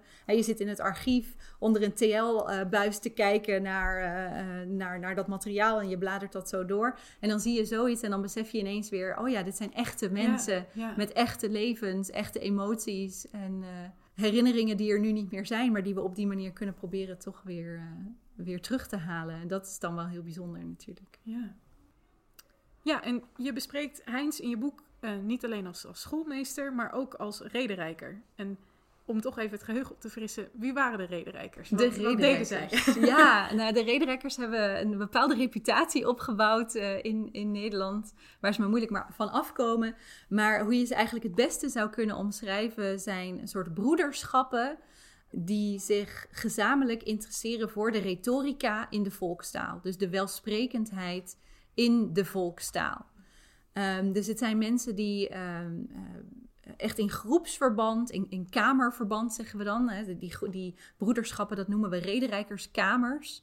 In groepsverband bestudeerden zij de volkstaal, produceerden zij literatuur in de volkstaal. Dus beoefenden zij ook echt die retorica via uh, de poëzie, um, uh, toneel ook, vaak in competitieverband. Je ziet vaak dat verschillende kamers tegen elkaar strijden om wie het mooiste gedicht of het, het mooiste toneelstuk schrijft en dergelijke. En die rederijkerskamers waren eigenlijk ook, en dat is iets wat de laatste jaren steeds meer, steeds duidelijker wordt, waren ook eigenlijk een soort onderwijsinstituties. Uh, omdat de wat verder gevorderde rederijkers, de, de beginners, um, toch vaak wat, wat onderricht verschaften. Uh, in nou ja, niet alleen lezen en schrijven, maar dus ook echt het, het dichten en het uh, toneelschrijven en dergelijke. Dus iemand als Peter Heijns past daar natuurlijk heel goed in thuis. Uh, stond zelf ook aan het hoofd van een rederijkerskamer. Hij woonde natuurlijk in Antwerpen. Op een gegeven moment waren er in Antwerpen al een aantal rederijkerskamers. En toen is men in Berchem, dat was een, een soort heel klein gehucht naast Antwerpen. Dat was zeg maar Leiderdorp naast, ja, ja, naast Leiden. Uh, is hij, uh, was er een, een, nieuwe rederijkerskamer gestart. En daar stond hij een tijd aan het hoofd van. Dus hij was daar echt de leidende dichter een tijdje. En hoe heette die rederijkerskamer van hem ook alweer? Die rederijkerskamer van Peter Heijns heette de Bloeiende Wijngaard. Ja, want ik wilde net zeggen, we hebben nog helemaal volgens mij de naam van de school van Peter Heijns helemaal Dat klopt. Nee, die school die heet de Lauwerboom. Ja. Dat wil zeggen de laurier. Uh, en het embleem van de school was de nimf Daphne, die volgens de klassieke mythe natuurlijk zou zijn achtervolgd door uh, de god Apollo. En toen uh, om zich daartegen te beschermen de goden aanriep om, om hulp. En toen in een, een laurier, een lauwerboom is veranderd om haar, uh, haar zedigheid te bewaken. Uh, zodat zij natuurlijk nou, niet, niet verkracht zou kunnen worden door deze, door deze god. Een nogal cru embleem voor een meisjesschool uit deze periode natuurlijk, waar, waar heel duidelijk de moraal achter zit. Uh, de behoud je zedigheid um, en, en je kuisheid uh, als, als jonge vrouw. Ja. Ja, en dat, dat zien we ook terug in, in de naam van de meisjesschool van Magdalena, natuurlijk de Maagdenberg. De Maagdenberg, met, eh, ja. De negen muzen. Ja. eh, en dus ook dat klassieke element, of die, die aandacht voor de klassieke oudheid. Ja, want dat hebben we nog niet genoemd natuurlijk. Maar Magdalena Valerie heeft zelf ook een schoolboekje gepubliceerd. Oh ja, Daarom ja. weten we gelukkig ook vrij veel van haar eh, hier in Leiden. Niet alleen dankzij archiefmateriaal dat bewaard is gebleven, maar ook omdat zij zelf een boekje heeft uitgegeven om haar school natuurlijk eh, van enige faam te voorzien. Hè, toch als een, een vorm van, eh, van publiciteit. Om dat te genereren, heeft zij een boekje eh, geschreven. Dus ook weer een conversatieboekje met modeldialoogjes in het Frans en in het Nederlands parallel naast elkaar. Hè, zodat je, net als een soort wat en hoe boekje eigenlijk, je, je zinnetjes direct kon vertalen. Eh, en in haar boekje, dus onder de titel De Maagdenberg, La Montagne des Pucelles, eh, wat ook de titel van haar school was, heeft zij eh, steeds één van de negen muzen aan het woord gelaten. En elke muze komt dan naar haar school om iets van haar, de wijze docenten, te leren. Dus heel duidelijk inderdaad hier ook weer die aandacht voor de klassieke, die laat zien dat, dat ook iemand als Magdalena Valerie wel, delig- wel degelijk op de hoogte was van de trends in, in de literaire tradities in deze periode. Ja, want de, eh, we, we gaan dan zo meteen even terug naar waar je net over sprak, die, die tweedeling, dat Frans en dat Nederlands naast elkaar. Want dat is heel relevant natuurlijk voor Peter Heijns ook. Maar eh, misschien eerst inderdaad die aandacht voor de klassieken. Je beschrijft ook in je boek dat er tot voorheen misschien een, een onderscheid werd gemaakt tussen dus die rederijkers, eh, waar Peter Heijns toe behoorde, en de renaissance dichters. Maar je laat zien, met name dus door de aandacht die er al lang was voor de klassieken, ehm, maar ook allerlei andere factoren, dat, dat dat onderscheid helemaal niet zo duidelijk te maken is. Zeker niet in een geval als Peter Heijns. Ja, klopt. Eh, wat je heel vaak ziet in, in de eh, traditionele overzichten van Nederlandse letterkunde is, je hebt de periode van de rederijkers, eh, de rijmelarij, zegt men wel eens, van de rederijkers die dol waren op ingewikkelde rijmschema's en wat gekunstelde verzen met vooral heel veel Franse leenwoorden. En dan komt daar eindelijk een soort verlichtingsgeest. waarbij men eindelijk dan het, het Franse voorbeeld gaat volgen en fatsoenlijk sonnetten gaat schrijven zoals het hoort. En die gekke rijmschema's en, en ingewikkelde kunstjes en vooral die Franse leenwoorden natuurlijk achter zich laat. En het wordt dan gedaan alsof dat gaat om, om twee heel verschillende groepen. Eh, dat zie je vaak, hè? dat, dat de, de rederijkersperiode dan achter zich wordt gelaten. En dan, dan komen er een aantal verlichte geesten die sonnetten gaan schrijven. En daarmee is dan de renaissance gearriveerd in de Nederlanden. Maar mijn eigen onderzoek heeft eigenlijk laten zien dat het heel vaak dezelfde personen zijn. Die enerzijds eh, zich eh, met beide benen in die rederijkerstraditie eh plaatsen, maar anderzijds ook op zoek zijn naar vernieuwing binnen die rederijkerstraditie. Waaronder dus die, die aandacht voor de klassieken die je ziet opkomen, maar zeker ook die aandacht voor literaire fenomenen in Frankrijk, waaronder het sonnet bijvoorbeeld. En wat je dan vaak ziet is dat die, die Franse invloeden via mensen juist als Peter Heijns de Nederlanden binnenkomen. Uh, omdat hij natuurlijk als Frans schoolmeester uh, heel goed op de hoogte was van uh, wat er speelde in Frankrijk. Dat ook goed las natuurlijk en het op die manier ook de rederijkerskamers binnen heeft weten te brengen.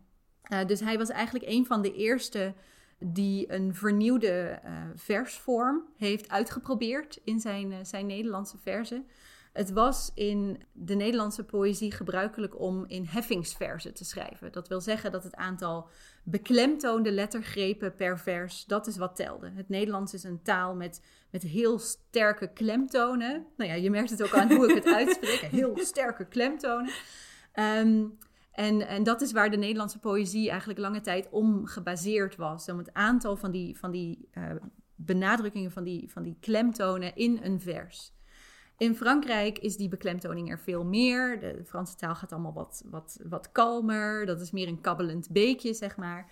Uh, en wat men daar uh, ging tellen, was het totale aantal greppen, lettergrepen in een vers.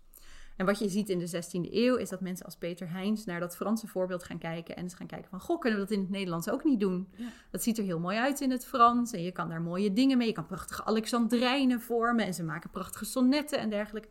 Laten wij dat ook eens proberen. Iemand als Peter Heijns heeft dat dus met beide benen in die rederijkerstraditie. In de context van de rederijkerskamers voor het eerst eens uitgeprobeerd. Eh, je ziet ook dat hij dus iemand is die met dat humanistisch toneel gaat experimenteren en dergelijke. Maar goed, wat dan um, die versvorm betreft, komt hij er eigenlijk op een gegeven moment achter dat het gewoon niet zo goed werkt voor het Nederlands. Want je hebt gewoon die sterke accenten en dergelijke. En het Frans is toch gewoon een heel andere taal. En daar past dan misschien meer uh, dat isosyllabisme bij, zoals we dat noemen. Dat elke versregel een gelijk aantal, totaal aantal lettergrepen heeft. En hij besluit dan weer terug te keren naar het Nederlandse heffingsvers. Dus dat laat heel duidelijk zien dat je eigenlijk geen onderscheid kunt maken tussen de renaissance dichters en de rederijkers. Want de rederijkers experimenteerden zelf al met dit soort renaissance vormen, als je ze dan zo wil noemen. Ja. En er was ook helemaal geen, geen eenlijnige traditie of zo aan te wijzen van... Um, uh, nu komt de verlichting van het sonnet en men gooit alle tradities aan de kant en vanaf nu gaan we alleen nog maar sonnetten schrijven. Dat is echt met een moderne blik teruggekeken dat dat misschien zo lijkt. Maar in die periode was het gewoon een debat, was het een discussie. En die hoefde er helemaal niet toe te leiden dat men een voorkeur had voor het sonnet. Nee, en je ziet aan het feit dat hij natuurlijk later die vorm weer loslaat, of, of te laten voor wat het is bij het Frans, dat hij daar toch ook eh, continu op moet hebben gereflecteerd. Het was niet alleen maar het volgen van trends, het was wel ook vanuit hemzelf uitproberen, experimenteren met versvormen en, en nieuwe middelen binnen zo'n literaire traditie. En ik denk dat dit misschien ook een goed moment is om het dan dus te hebben over de gewoonte. Misschien om dat Frans en Nederlands naast elkaar af te beelden. Kunnen we dat een gewoonte noemen? Of is dat eigenlijk juist iets wat hij met name deed?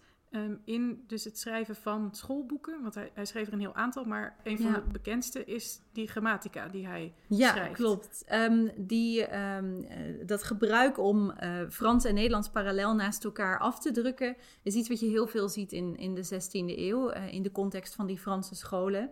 Um, omdat naast uh, die dialoogvorm waar we het over gehad hebben, ook um, vertalen een heel belangrijk uh, didactisch middel was. Dat, uh, dat vaak werd ingezet in dit soort scholen voor het talenonderwijs.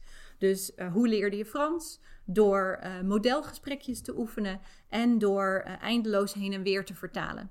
En daar had je natuurlijk een model voor nodig. Um, dus je ziet dat er heel veel boekjes zijn dit soort dialoogboekjes waar we het over gehad hebben, maar bijvoorbeeld ook meer verhalende uh, vormen, zoals uh, teksten over uh, Reinhard de Vos bijvoorbeeld, of de, de heel populaire ridder Amadis de Gaulle uit deze periode, um, die tweetalig werden afgedrukt. Zodat je zo'n boekje aan een leerling kon geven en leerling kon, nou ja, misschien met een, een blad één helft bijvoorbeeld afdekken en dan zelf de vertaling maken en dan vervolgens kon je controleren of je vertaling goed was bijvoorbeeld. Dat is iets wat je heel veel ziet in deze periode, dat Frans naast het, het Nederlands zetten om dat echt met elkaar uh, te vergelijken. In samenspraak te brengen, misschien zelfs. Ja, in samenspraak te brengen. Dat is iets wat je natuurlijk niet alleen ziet in, in de scholen van deze periode. Maar in, in bredere zin, iets waar we het nog niet echt over gehad hebben, is echt de fascinatie met taal die er was in deze periode. De 16e eeuw is echt de um, eeuw waarin de eerste grammatica van verschillende volkstalen is geschreven, waarin meertalige woordenboeken opkomen, waarin spellingsregels worden bediscussieerd, uh, nog niet echt vastgelegd, vooral bediscussieerd, maar waarin er echt aandacht is voor taal, uh, voor die, die verschillende dialecten waar we het al over gehad hebben. En um, het idee dat men toch toe wilde naar een soort eenheid. En hoe kom je daar nou? Misschien toch door een van die dialecten uit te kiezen, of misschien een nieuwe vorm te maken op basis van alle verschillende dialecten. Er was ontzettend veel aandacht voor in deze periode. En ook zeker voor het vergelijken van verschillende talen. Hoe zit de Franse taal nou anders in elkaar dan het Nederlands? Hoe zitten die Franse klanken anders in elkaar dan de Nederlandse klanken bijvoorbeeld? Dus er was ontzettend veel aandacht voor taalvergelijking. Ook vaak wel uh, vanuit een hiërarchisch perspectief. Dus welke taal is beter dan de andere?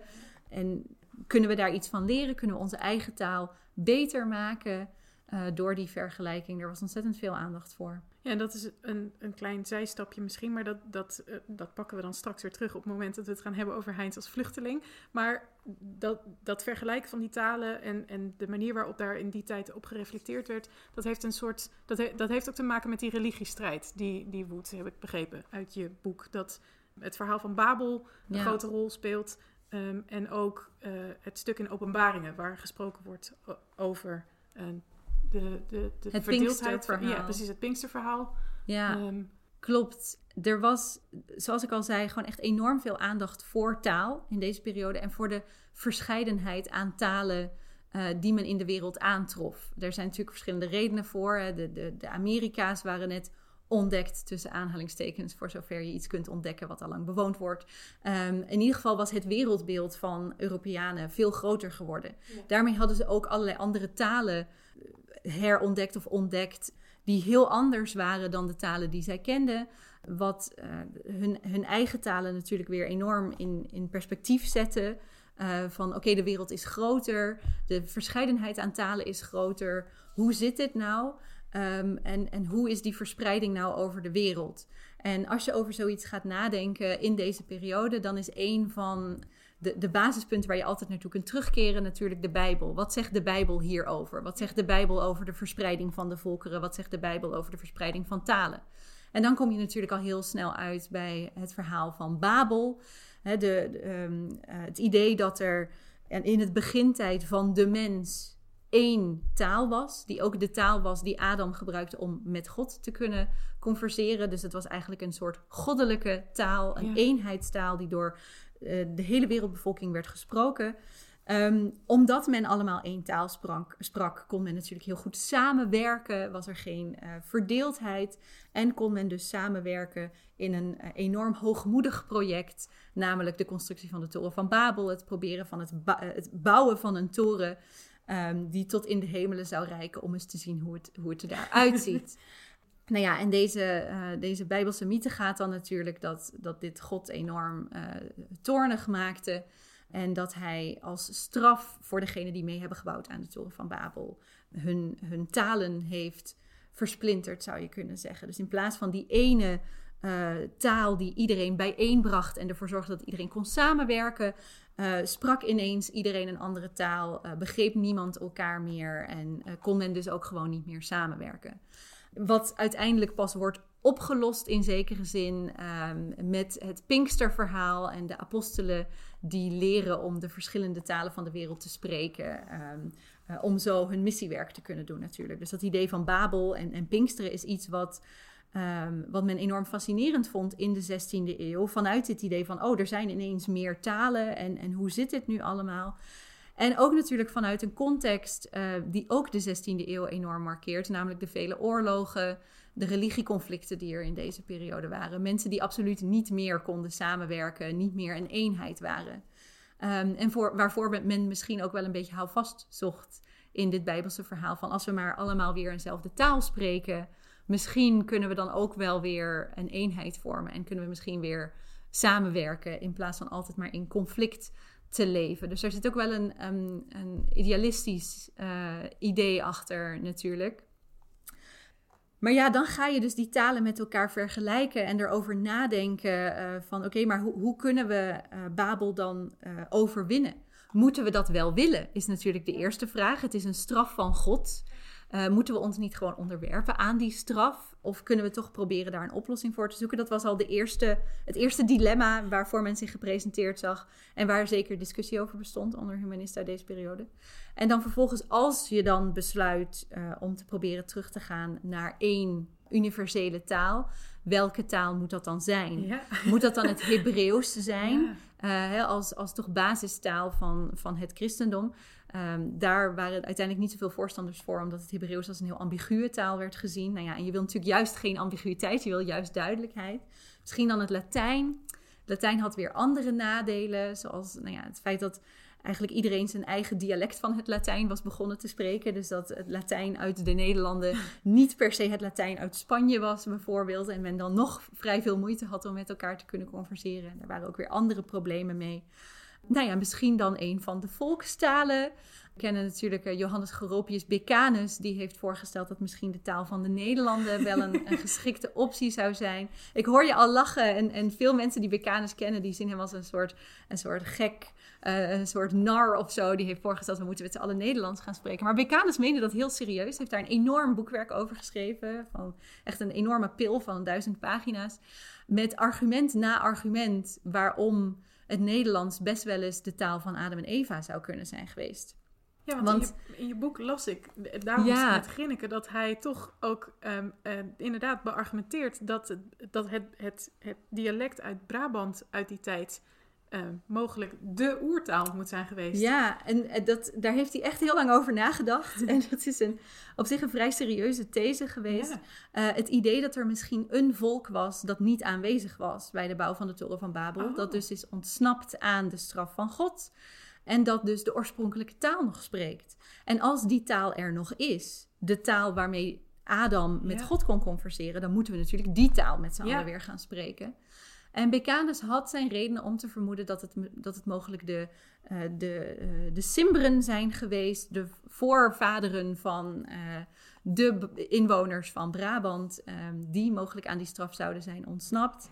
Hij heeft daar echt een hele reeks aan, aan argumenten voor, die ook zelfs teruggaan tot Egyptische voorbeelden, zoals eh, Osiris, hè, de, de bekende Egyptische god Osiris, wat eigenlijk een afgeleide zou zijn van het Nederlands ons Heer is. Ja. Allemaal van dit soort eh, etymologische eh, afleidingen, die voor ons nu natuurlijk bizar klinken.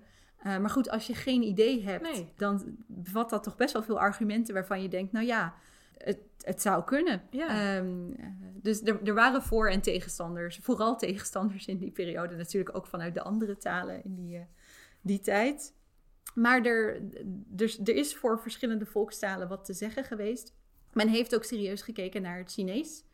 Eh, met name eh, het Chinees schrift, waarvan men wist dat je niet per se hetzelfde dialect eh, of zelfs dezelfde vorm eh, van taal hoefde te spreken om het schrift te kunnen begrijpen. Omdat de karakters niet per se aan eh, uitspraak, aan fonetiek gebonden waren, maar een eigen betekenis hadden. Ja. Dus er was heel veel aandacht ook voor beeldschrift. En het idee dat beeld misschien een goede vervanger zou kunnen zijn voor taal, voor klank. Vanuit het idee dat beeld universeel is. Wat helaas natuurlijk niet zo is, omdat eh, de interpretatie van beeld cultureel gestuurd is en toch vaak arbitrair is. Maar er waren enorm veel ideeën en, en, en reflecties op eh, in deze tijd. Echt fascinerend. En, eh, en nou vraag ik me toch af, is dat dan ook de motivatie achter de zogenaamde rebusgedichten? Dat is misschien wat ver gezocht, maar nu Er je dat is- zo noemt. Er is, een kop- er is zeker een koppeling aan te wijzen. Er was in ieder geval heel veel interesse in, zoals ik al zei, beeldschriften, beeldtalen in deze periode. Met name hieroglyphen. Ja. Eh, de steen van Rosetta was natuurlijk nog niet teruggevonden. Men had nog geen idee wat hieroglyphen betekenden. En het idee was dat hieroglyphen een soort van beeldcommunicatie waren... die misschien inderdaad universeel ingezet zou kunnen worden. ja. Dat elk beeld een soort eigen allegorische betekenis zou kunnen hebben. Ehm, maar een, eh, een andere vorm van beeldtaal is natuurlijk de rebustaal. Die we vandaag de dag allemaal wel kennen van de pakken hagelslag. waar dan een rebusje op de achterkant staat die je dan kunt oplossen en dergelijke. De rebussen in, in- waar in de 16e eeuw mee geëxperimenteerd werd, waren van een iets andere orde. We hebben echt prachtige geschilderde blazoenen met, met hele gedichten in rebustaal. Gemaakt door echt de grote Vlaamse meesters van deze periode. Dus het was wel echt iets serieuzer dan pakken hagelslag. Ehm, maar iemand als Peter Heijns heeft daar dus ook mee eh, geëxperimenteerd. Het idee dat je in plaats van een taal uitschrijven in een alfabet, eh, die taal ook kunt vervangen door beelden. We kenden allemaal natuurlijk ook de emojis van vandaag en hart voor liefde en dergelijke. Ehm, eh, nou ja, echt, echt die rebustaal. Echt het idee dat, dat elk woord of elke lettergreep vervangen wordt door een afbeelding in plaats van een, een uitgeschreven tekst. Nou is het lastige met rebussen dat ze absoluut niet universeel Nee, zijn. Nee. Rebussen zijn absoluut taalgebonden. En een rebus in het Nederlands werkt natuurlijk helemaal niet in het Frans. nee. Omdat de, de afbeelding die wordt gegeven, die moet je echt hardop uitspreken in de Nederlandse oplossing, zeg maar. Anders, anders werkt het gewoon niet. Dus ik denk zeker dat er een koppeling is met die aandacht voor taal, voor communicatie, voor beeldtaal. eh, voor, ja, voor talen in het algemeen en hoe dat werkt. Maar ik denk niet dat er, eh, dat er eh, potenties waren om daar een universele taal van te maken, want dat, dat werkt gewoon eh, uiteindelijk niet. En als dat dan niet het geval is, waar, kwam dat dan wel vandaan? Want je noemde net al dat Peter Heijns zelf dus ook rebusgedichten maakte. En dat was in de tijd ook echt een, een literair fenomeen, wat we Ja. vandaag de dag eigenlijk, nou ja, het, het bestaat er nog op de pakken hagelslag, maar op geen enkele manier vergelijkbaar natuurlijk. Maar het, dat is inmiddels toch niet, niet meer zo aan de orde. Nee. Ehm, je, je, je zult er ook een toesturen in ieder geval om het te laten zien. Eh, Ja. dat is voor de luisteraars natuurlijk erg leuk. Die zien dat nu op YouTube of eh, via de website. Ehm, maar dat, ja, het, het is toch wel heel fascinerend, die vorm. Waar, waar komt dat dan vandaan? Heeft dat te maken met die blazoenen? Dat, dat, dat, je, dat men Deels, graag ja. dat wilde laten zien en dan dus een koppeling maakt tussen woord en beeld? Of waar, Ja. waar zit dat hem in? De, het zit hem in, in verschillende aspecten, denk ik. Ehm, eh, we zien de eerste rebusgedichten, dus hele gedichten in rebusvorm, echt helemaal op rijm. Ehm, die zie je onder andere al bij Leonardo da Vinci terug. Dat is iets wat je bij meerdere Oh. humanisten terugvindt. Eh, en wat ik dus echt ehm, eh, denk terug te kunnen voeren op die algemene fascinatie met, met taal. Eh, Leonardo was natuurlijk iemand Ja. die überhaupt met taal bezig was, met spiegelschrift. En, en hoe, werkt, hoe werkt taal nou en hoe werkt de taal op schrift en dergelijke. Wat vervolgens populair wordt in Frankrijk, daar zie je enkele rebusgedichten opkomen. En wat dan vervolgens via mensen eigenlijk als Peter Heijns ook de rederijkerskamers Ja. bereikt en daar ook populairder wordt. Peter Heijns heeft zelf al wat met rebussen geëxperimenteerd, eh, met name in zijn devies. Elke rederijker had een eigen devies, een eigen motto. En het motto van Peter Heijns was eh, wel hem of wel haar die God vertrouwen. Dus eh, God zij met hen die, die op hem vertrouwen. En in de afbeelding ehm, die ik je zal toesturen, die als het goed is nu zichtbaar is voor de luisteraars via, via YouTube, eh, zie je een titelpagina, een, een onderdeel van een schoolboekje van Heinz, met daarin eh, het embleem van Daphne, die in een lauwerboom verandert. En om eh, de afbeelding van Daphne heen zie je een soort band waarin allerlei kleine tekeningetjes zijn aangebracht, waarvan je in eerste instantie denkt van waarom staat er nou een koe en een deegroller? Wat is dit voor iets geks? Maar als je dus op de hoogte bent van die rebus-traditie, dan weet je dat daar zijn devies staat. Een deegroller, um, een ander woord voor deegroller in deze periode was een wel. Vervolgens zie je een pluk haar. Dan zie je uh, Yahweh in een soort uh, ster, dus uh, God. En een koe die staat voor nou, een vaars, hè, een, een ver in, in het Middel-Nederlands. En dan twee keer twee sets handen die in elkaar grijpen om trouw aan te duiden. Dus in totaal staat er dan wel haar die God vertrouwen. En dat soort experimentjes met rebussen zie je bij, bij Heinz wel vaker. Ook onder andere in zijn schoolboekjes. Dus dan denk je ook van, goh, heeft hij die meisjes daar ook mee laten ja. experimenteren als een soort puzzel? Er komt ook een rebus terug in het dialoogboekje van Gabriel Murier bijvoorbeeld. Uh, waarin het ene meisje tegen het ander zegt, als ik nou een grote G schrijf en een kleine A, wat staat er dan? en dan moet je het natuurlijk in het Frans lezen als een, een, een G grand en een A petit. Wat dan vormt J'ai grand à petit. Ik heb heel erg honger. En wat een, een rebus is die je ook vaker terug uh, vindt in, in Franse boeken uit deze periode. Iemand als Heinz experimenteerde daar dus mee, zowel in schoolcontext als in rederijkerscontext. Een van zijn collega's, Wouter de Koster, die ook actief was in Antwerpen, heeft zelf een, een prachtig rebusgedicht nagelaten dat echt in plano is afgedrukt. Dus echt één blad dat helemaal met een rebusgedicht is bedrukt. Uh, en onderaan uh, dat rebusgedicht staan nog twee gedichtjes in Frans en een Nederlandse vertaling ernaast. Dat is niet de oplossing van de rebus. Dus dat is meteen het eerste moment dat je op het verkeerde been wordt gezet. Omdat je dan denkt van, hé, maar is dit dan de oplossing? Maar dat is dus niet zo. En uit die gedichtjes onderaan blijkt dat het gaat om een, een soort puzzel uh, die hij heeft gemaakt voor zijn leerlingen ter ere van de feestdag van Sint Thomas. Wat een dag was waarop leerlingen hun docenten een beetje mochten plagen en ze Oh. mochten opsluiten in school en dan was er geen les en zo. en ter ere van die dag heeft hij deze puzzel voor ze gemaakt. Die uiteindelijk een puzzel in het Nederlands blijkt te zijn. Dat is natuurlijk al de eerste uitdaging. Van oké, er staat een oplossing in het Frans en in het Nederlands. Maar is het dan Welk een Nederlands? ja. Welk, van de, welk van de talen moet ik dan hebben? Het blijkt uiteindelijk dan een, een Nederlands eh, gedicht te zijn. Eh, die we ook kunnen laten zien als het goed is op YouTube. Met een, een heel gedichtje over Sint Thomas. En dat je nou ja, vooral heel veel plezier moet hebben op die dag. Maar dat je uiteindelijk toch ook niet moet vergeten hoe belangrijk het is om netjes je lessen te volgen. En eh, elke dag een beetje werk te doen en dergelijke. Dus je ziet zo dat het, dat het via de context van die Franse scholen zo de Nederlanden binnenkomt. En dan via mensen als Peter Heijns, die eigenlijk echt een soort schakel vormt tussen die, die Franse scholen en de rederijkersmilieus, dan toch ook daar een onderdeel uh, wordt. Elke rederijkerskamer had een eigen blazoen, een eigen soort van schild waarop dan het embleem van de kamer en het devies van de kamer werd uitgebeeld. En Peter Heijns gaat als een van de eerste met zijn bloeiende wijngaard van, uh, van Bergen, gaat hij een blazoen maken waarop een rebusgedicht staat afgebeeld. En je ziet dat het op een gegeven moment heel populair wordt. Er is zelfs een heel uh, Rebus Blazoenfeest geweest uiteindelijk. Ik geloof in 1621 in Mechelen. Waar elke rederijkerskamer een eigen rebus oh. moest indienen. Dus het is wel echt iets groter geworden dan alleen deze kleine kringen. Uiteindelijk is het nooit enorm populair geworden. Want nou ja, daaruit blijkt dat, dat vandaag de dag uh, de reputatie van rebussen alleen nog terug te vinden is op, op pakjes hagelslag. Maar um, in deze periode toch, toch echt wel een heel interessante vorm. Voor die rederijkerskamers natuurlijk heel interessant, omdat dat broederschappen waren met een soort incircle en mensen die er duidelijk niet toe behoorden. En zo'n rebus is natuurlijk toch een beetje een soort puzzel die je alleen kunt kraken als je weet waar je naar kijkt. Als je weet dat je naar een rebus kijkt, ben je al een heel eind. Maar als je niet eens weet dat het een rebus is, omdat er vaak geen letters gegeven werden, maar echt alleen puur afbeeldingen, dan denk je echt, nou waar kijk ik naar? Ik zie een eend en ik zie een, een wilg en, en, en wat is dit dan? Nou ja, als je dan op een gegeven moment die rebustaal een beetje door hebt, dan weet je dat een eend altijd staat voor ende. Ah ja, ehm, eh, en dat een kippendij altijd staat voor die.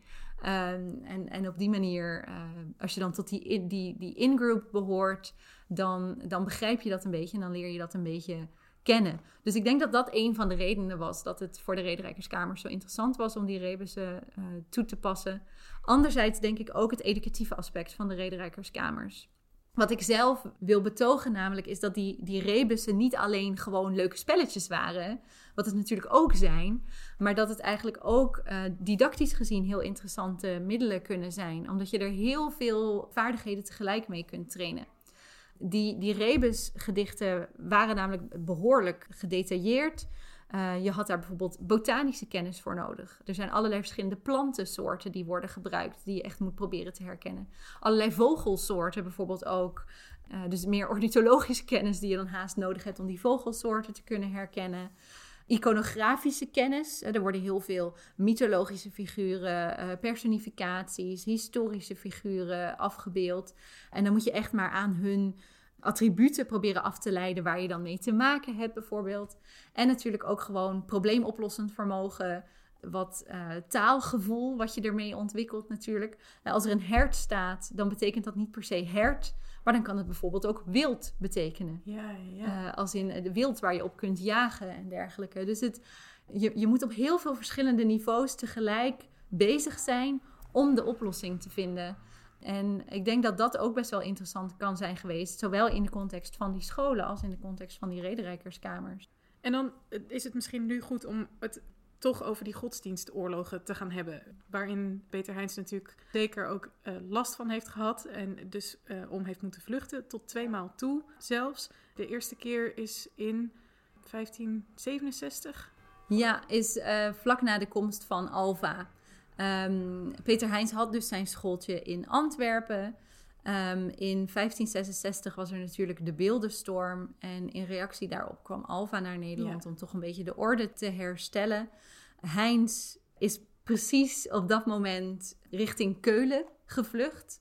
Uh, heeft nooit expliciet gezegd dat dat was omdat hij vreesde om, om uh, vervolgd te worden voor zijn aandeel bijvoorbeeld in de beeldenstorm. Maar goed, het moment waarop hij ineens naar Keulen gaat, uh, in combinatie met het feit dat Keulen toch echt een plaats was waarvan bekend was dat het vrij tolerant was en, en dat daar veel uh, religievluchtelingen naartoe zijn gegaan, doet ons toch wel um, vermoeden dat daar inderdaad een, een religieus argument aan ten grondslag heeft gelegen. Helemaal omdat hij terug is gekeerd eigenlijk direct na het generaal pardon. Uh, dus dat is toch, dat is natuurlijk wel erg verdacht yeah. uh, voor iemand die dan, die dan zo uh, tijdelijk even de Nederlanden verlaat en dan op een heel opportun moment weer, weer terugkomt. Dus in die periode heeft hij zelf geen school gehouden. Zijn vrouw is waarschijnlijk wel achtergebleven, um, maar het is niet helemaal duidelijk of zij de school dan wel heeft laten doorgaan. Het kan zijn dat de school ook even dicht is geweest. de school is vaker dicht geweest. In, in de context van de huidige pandemie is het misschien nog interessant om te zeggen dat, er, dat, dat de Lauwerboom ook een tijdje gesloten is geweest tijdens een pestepidemie, bijvoorbeeld. dus het dichtgooien van scholen van alle tijden. ten behoeve van de, de volksgezondheid is inderdaad het, van alle tijden. Heinz uh, was toch wel vrij duidelijk protestant. Dat zien we toch ook in bijvoorbeeld het toneelstuk waar we het over hebben gehad, waarin hij toch echt wel propaganda probeert te maken voor de opstand uh, tegen Philips II, voor, voor religievrijheid en dergelijke. Hoewel die er nooit enorm openlijk voor is uitgekomen. Dat moet ik, uh, moet ik er meteen bij zeggen. hoe dan ook, vanaf de jaren 1580, op dat moment is Antwerpen echt een soort protestants bolwerk. Op dat moment gaat Heinz een belangrijke rol spelen in het stadsbestuur. Hij wordt wijkmeester, wat inhoudt dat hij een soort, een soort onderburgemeester is, zou je kunnen zeggen, die echt de verantwoordelijkheid over specifieke wijk uh, uh, op zich neemt. Maar um, uh, halverwege de jaren 1580 komt de oorlog dan toch ook echt naar Antwerpen. Antwerpen wordt belegerd meer dan een jaar lang. En uiteindelijk uh, leidt de stad zoveel honger en, en zoveel leed dat men de stad dan toch uiteindelijk overgeeft aan Philips II. En Peter Heins um, heeft besloten om waard voor zijn geld te kiezen en is meteen vertrokken met zijn vrouw in ieder geval en is eerst richting Frankfurt gegaan. Vervolgens, een paar jaar later, is hij doorgetrokken naar Stade bij Hamburg, waar ook een, een hele gemeenschap aan uh, vluchtelingen zat. En uiteindelijk is hij in Haarlem terechtgekomen. Hun familie, zoals ik al zei, ze hadden meerdere kinderen, uh, is eigenlijk verspreid geraakt over zo'n beetje de hele, de hele Nederlanden en, en, en ook Duitsland. Uh, en ze zijn zelf dus ook echt meerdere keren weer doorverhuisd. Dus je ziet dat het niet zo is van oké, we vertrekken en we gaan ons elders vestigen. Maar dat het toch echt ook een beetje een zwervend bestaan is geweest voordat ze zich dan uiteindelijk in Haarlem hebben gevestigd. Uh, ze lijken een beetje de, de algehele um, uh, meute te hebben gevolgd. Dat was natuurlijk ook hun cliëntel. Ja. Dus ja. hun, hun klantenbestand vertrok richting de de gemeenschappen in plekken als Frankfurt, als Stade en vervolgens als Haarlem. Dus die lijken ze een beetje te zijn gevolgd. Um, maar een van hun kinderen was dan al voorgegaan naar Haarlem. Heeft daar al een, een schooltje gevestigd. Waar ze zich dan uiteindelijk mooi bij konden aansluiten. En daar heeft hij een nieuwe lauwerboom uh, gehouden eigenlijk. Ja, ja. En hij heeft dus een tijd in Duitsland doorgebracht. En je vertelde in het voorgesprek al even dat je zelf eigenlijk een, een heel unieke vondst hebt gedaan tijdens onderzoek op locatie in Duitsland. Dat klopt. Um, het, ik ben dus heel erg geïnteresseerd in uh, nou ja, die, die, Franse scholen, maar natuurlijk ook in de hele discussies over taal uit deze periode. Uh, de grammatica's, woordenboeken en dergelijke, wat er allemaal over is geschreven. Um, in 2018 heb ik een beurs gekregen om twee maanden onderzoek op locatie te gaan doen in Gotha. Dat is een, een heel klein uh, Duits gehucht tussen uh, Leipzig en Hannover, een beetje in zou je kunnen zeggen. Waar nog een prachtig slot staat, Schloss Friedenstein. Uh, wat in het begin 17e eeuw gebouwd is op een hoge heuvel. Dus je hebt een heel klein dorpje onderaan de heuvel. En dan uh, het hele dorpje kijkt zo uit naar boven op die heuvel waar dan dat kasteel staat, dat slot. Um, waar sindsdien ook de hertogelijke bibliotheek gevestigd is geweest. Die daar dus echt sinds de 17e eeuw is geweest en steeds verder is aangevuld. En waar op enig moment ook de bibliotheek van het lokale Latijnse schooltje naartoe is gegaan. En ik heb daar dus twee maanden onderzoek gedaan. Het was een beetje uh, een vreemde ervaring. Um, want ik zat daar uh, in januari, februari. Er was alleen maar sneeuw. Het heeft twee maanden lang gesneeuwd. Dus elke ochtend uh, beklom ik de heuvel door de sneeuw uh, naar dat slot. Om daar de hele dag in die 17e eeuwse hertogelijke bibliotheek te gaan zitten werken. En dan aan het eind van de werkdag dan daalde ik weer af van de besneeuwde heuvel naar het dorpje onderaan. Om daar alles wat ik de hele dag had gezien een beetje te verwerken. Ja. Um, en daar heb ik natuurlijk dankzij het geweldige werk van, van de bibliothecarissen daar... die bezig zijn om alle handgeschreven catalogie te digitaliseren en, en be beter doorzoekbaar te maken... heb ik een van Heinz schoolboekjes daar aangetroffen in een editie die nog niet bekend was... Dat gebeurt vaker, uh, dat er zulke, zulke boekjes nog weer tevoorschijn komen. Juist dankzij dit geweldige digitalisatiewerk, wat men, uh, wat men natuurlijk nu juist aan het doen is. Uh, maar dit is wel een heel interessant schoolboekje. Heinz heeft meerdere boekjes gepubliceerd. Onder andere zijn theaterteksten natuurlijk, maar ook andere schoolboekjes over het Frans en dergelijke.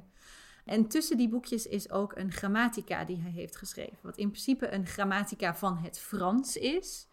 Maar hij geeft bij alle uh, regels die hij in het Frans beschrijft, voor het Frans beschrijft, geeft hij ook Franse voorbeelden. En daarbij, als dat kan, ook Nederlandse voorbeelden. Ja. Waarmee hij dus eigenlijk meteen impliciet de grammatica van het Nederlands bespreekt. Ja. Ook al is dat natuurlijk niet zijn primaire doel, want dat is duidelijk de grammatica van het Frans. Maar er zitten dus ook echt verwijzingen in naar de grammatica van het Nederlands van deze periode. En wat dat nou zo bijzonder maakt, is dat er op het moment dat uh, de eerste uitgave van deze grammatica uitkwam, was er nog geen gepubliceerde grammatica van het Nederlands. Nee. Er was een aanzet tot een, een, een Nederlandse grammatica in handschriftvorm. Uh, gemaakt door Johannes Radermacher, die uh, uitgeweken was naar, naar Londen, zelf een vluchteling. Maar goed, die is nooit gepubliceerd, voor zover wij weten. Sowieso ook nooit afgemaakt. Het was echt een aanzet. Hij heeft een soort van de inleiding geschreven, maar de rest van, het, van de grammatica is er nooit gekomen. En de eerste gedrukte grammatica van het Nederlands stamt uit 1584 uit rederijkerskringen. Ja. Uh, de tweespraak is dit, in dialoogvorm, geschreven door uh, de leden van de, de Amsterdamse Rederijkerskamer, de Eglantier. En waarschijnlijk uh, Hendrik Laurenszoon Spiegel, ook al heeft hij zijn naam er niet onder gezet. Maar goed, dat kwam dus pas in, 19, uh, in pardon, 1584. Heinz heeft al in 1571 ja, ja. dus een soort geïntegreerde, impliciete grammatica van het Nederlands geschreven. Ook al was dat dus niet de bedoeling. Het is natuurlijk voor de geschiedenis van het Nederlands wel heel interessant ja? om te zien hoe er werd nagedacht over de grammaticale regels van het Nederlands en hoe die, die op papier verwoord zijn. Wat ik heb aangetroffen in Gotha is niet de editie van 1571, de oudste editie die we al kenden. Hoewel die helaas maar um, geheel fragmentarisch uh, in één klein gedeelte ervan is overgeleverd. En daar ook maar in behoorlijk slechte toestand. Maar wat ik heb aangetroffen is een herdruk uh, die we nog niet kenden uit 1591. Die herdruk uit 1591 is dan weer direct overgenomen van een editie die niet is overgeleverd uit 1581. Ah. Die dus wel verschenen is voor uh, de tweespraak, voor de eerste echte gedrukte uh, grammatica van het Nederlands. En wat ik hiermee heb kunnen laten zien is hoe die editie van 1581, die we dus niet meer hebben, maar waar we dus nu een directe herdruk van hebben, hoe die de tweespraak heeft beïnvloed. Ja, dus ja. hoe de eerste grammatica van het Nederlands is beïnvloed door die grammatica van het Frans van Peter Heijns. Ja. Dus dat was natuurlijk wel een heel mooie vondst, zo in de sneeuw, in, in dat kasteel uh, in Gotha. Echt sprookjesachtig. Ja.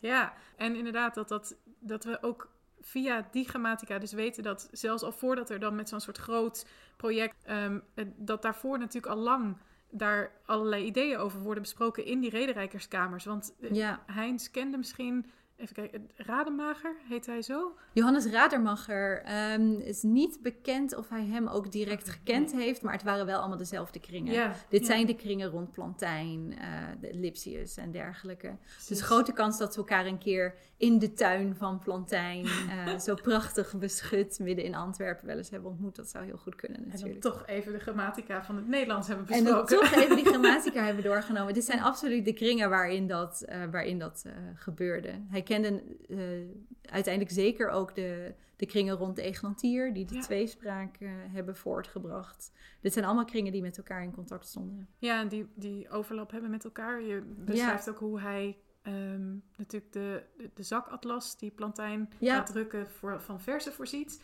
Ja. En wat ik daar wel interessant aan vond, wat ik in je boek las, was dat hij dan vervolgens zelf ook Um, daar teksten voor aanlevert voor het Frans. Maar dat doet hij in proza. Heeft dat dan ja. te maken met wat je eerder noemde, uh, dat, dat die versvorm in het Nederlands misschien anders is? Of, of ja, daar kunnen we natuurlijk eigenlijk weinig over zeggen. We weten niet precies wat zijn beweegredenen daarvoor waren. Nee, het is wel een heel interessant project. Ja.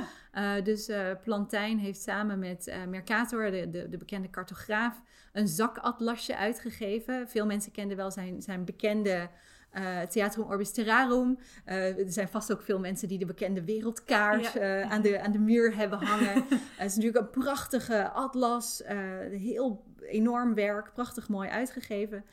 Wat minder bekend is, is dat er dus ook een pocketversie van is, van is uitgegeven. Met bij elk klein kaartje ook een, een tekstje, een beschrijvingje van het gebied dat daar werd afgebeeld. En dat Heinz dus de teksten daarvoor heeft aangeleverd. Um, in het Nederlands was het inderdaad op versvorm. In de Franse versie heeft hij dat inderdaad in proza vorm gedaan. Helaas kunnen we hem dus niet vragen waarom. Uh, wellicht gewoon een tijdskwestie. Uh, het kost natuurlijk veel meer tijd om dat allemaal in versvorm te doen uh, dan, dan om gewoon een proza tekstje uit te schrijven. Maar wat wel leuk is, is dat Heinz daarin bij het kaartje over Brabant zegt dat men daar de oudste taal ter wereld spreekt. oh, en dat Becanus toch misschien wel gelijk heeft. Uh, werk was op dat moment nog helemaal niet gepubliceerd. Dus hij moet daarvan geweten hebben. Waarschijnlijk weer via die bekende tuin van Plantijn. Ja. Uh, misschien toch eens even lekker op een zondagmiddag met z'n allen in de zon, wijntje erbij. Um, het ook over het Nederlands gehad hebben. Dat weten we niet precies. Maar um, er was gewoon een enorm debat gaande. Waar, waar dus echt heel veel mensen aan mee hebben gedaan. En niet alleen de bekende grote humanisten met de verlatiniseerde namen, maar ook mensen als Peter Heijns, die gewoon schoolmeester was. Ja, en, een, en dus een heel brede interesse hadden. In, heel breed. In allerlei vakgebieden. Want op een gegeven moment komt hij op een tragische wijze aan zijn einde. en dat heeft mogelijk te maken met een soort, soort fascinatie voor eh, de, de natuurfilosofie, zullen we het maar zo noemen, of het, het leven op aarde. Zo zouden we kunnen noemen. Ja, het is, het is zeer tragisch hoe Heinz uiteindelijk uh, het, aan zijn einde is gekomen. Hij is dus uiteindelijk, heeft hij zich gevestigd in Haarlem. En hij hoorde er blijkbaar van dat er in uh, uh, 1598 een potvis gestrand was bij Berkhei. Dat was ooit een, een, een vissersdorpje tussen Scheveningen en Katwijk. Een verhaal op zich, het bestaat niet meer, maar het is ongeveer nou ja, ter hoogte van Wassenaar nu. Daar was een potvis gestrand. En Heinz, geïnteresseerd in, in de wereld als hij was, wilde natuurlijk naar deze potvis gaan kijken. Want wanneer kreeg je nou de kans om zo'n dier uh, te zien? Is uh, afgereisd naar Berkhei om het dier te bekijken. Maar helaas, uh, de potvis uh, lag natuurlijk al enorm te rotten en te stinken. Dat lag daar al een tijd.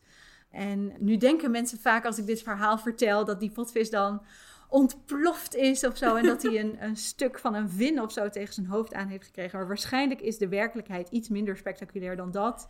Uh, hij is waarschijnlijk op de terugweg overleden door alle stinkende dampen en giftige gassen die hij mogelijk heeft ingeademd. Misschien al niet meer in, in allerbeste gezondheid verkerende zelf ook. En zo is uh, Peter Heijns inderdaad in 1598. Uh... Eh, ja, en um, nou ja, goed, dan, dan eindigt het verhaal van Peter natuurlijk. Maar zoals je net al zei, zijn, zijn nazaten zetten de school voort. Ja. Um, en elders in, in de lage landen gebeurt dat ook.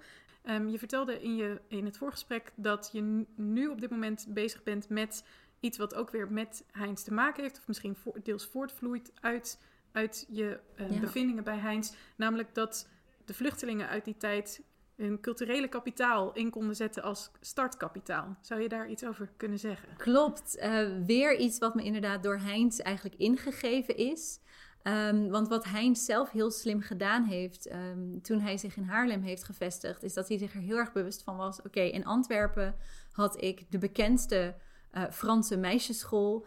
Um, mensen stuurden hun dochters van heinde en verre naar mijn school toe. Ik had echt een, een reputatie opgebouwd. Nu kom ik hier in Haarlem. Ik ben hier niemand. Ik ben hier een vluchteling die zijn stad is ontvlucht omdat de Spanjaarden voor de deur staan.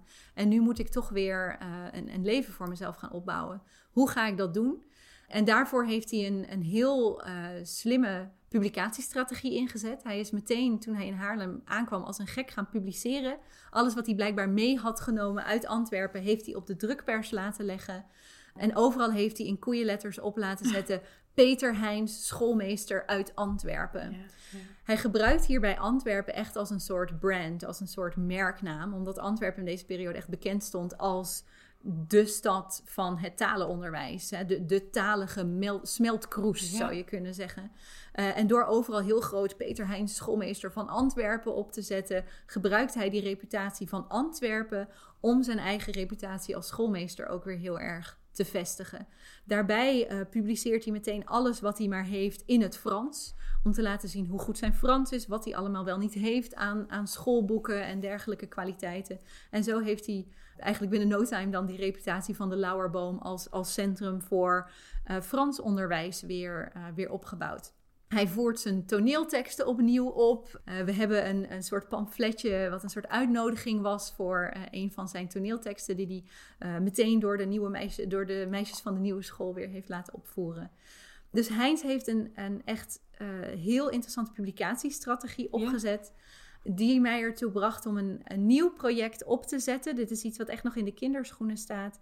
Over de manier waarop vluchtelingen uit de zuidelijke Nederlanden uit deze periode, die zich hebben gevestigd in Engeland, um, in uh, Duitsland, in de noordelijke Nederlanden. Hoe zij hun talenkennis hebben ingezet, echt als een soort startkapitaal om een nieuw leven voor zichzelf op te bouwen. Iemand als Heinz, die dus zijn kennis van het Frans gebruikt om weer een Franse school te beginnen.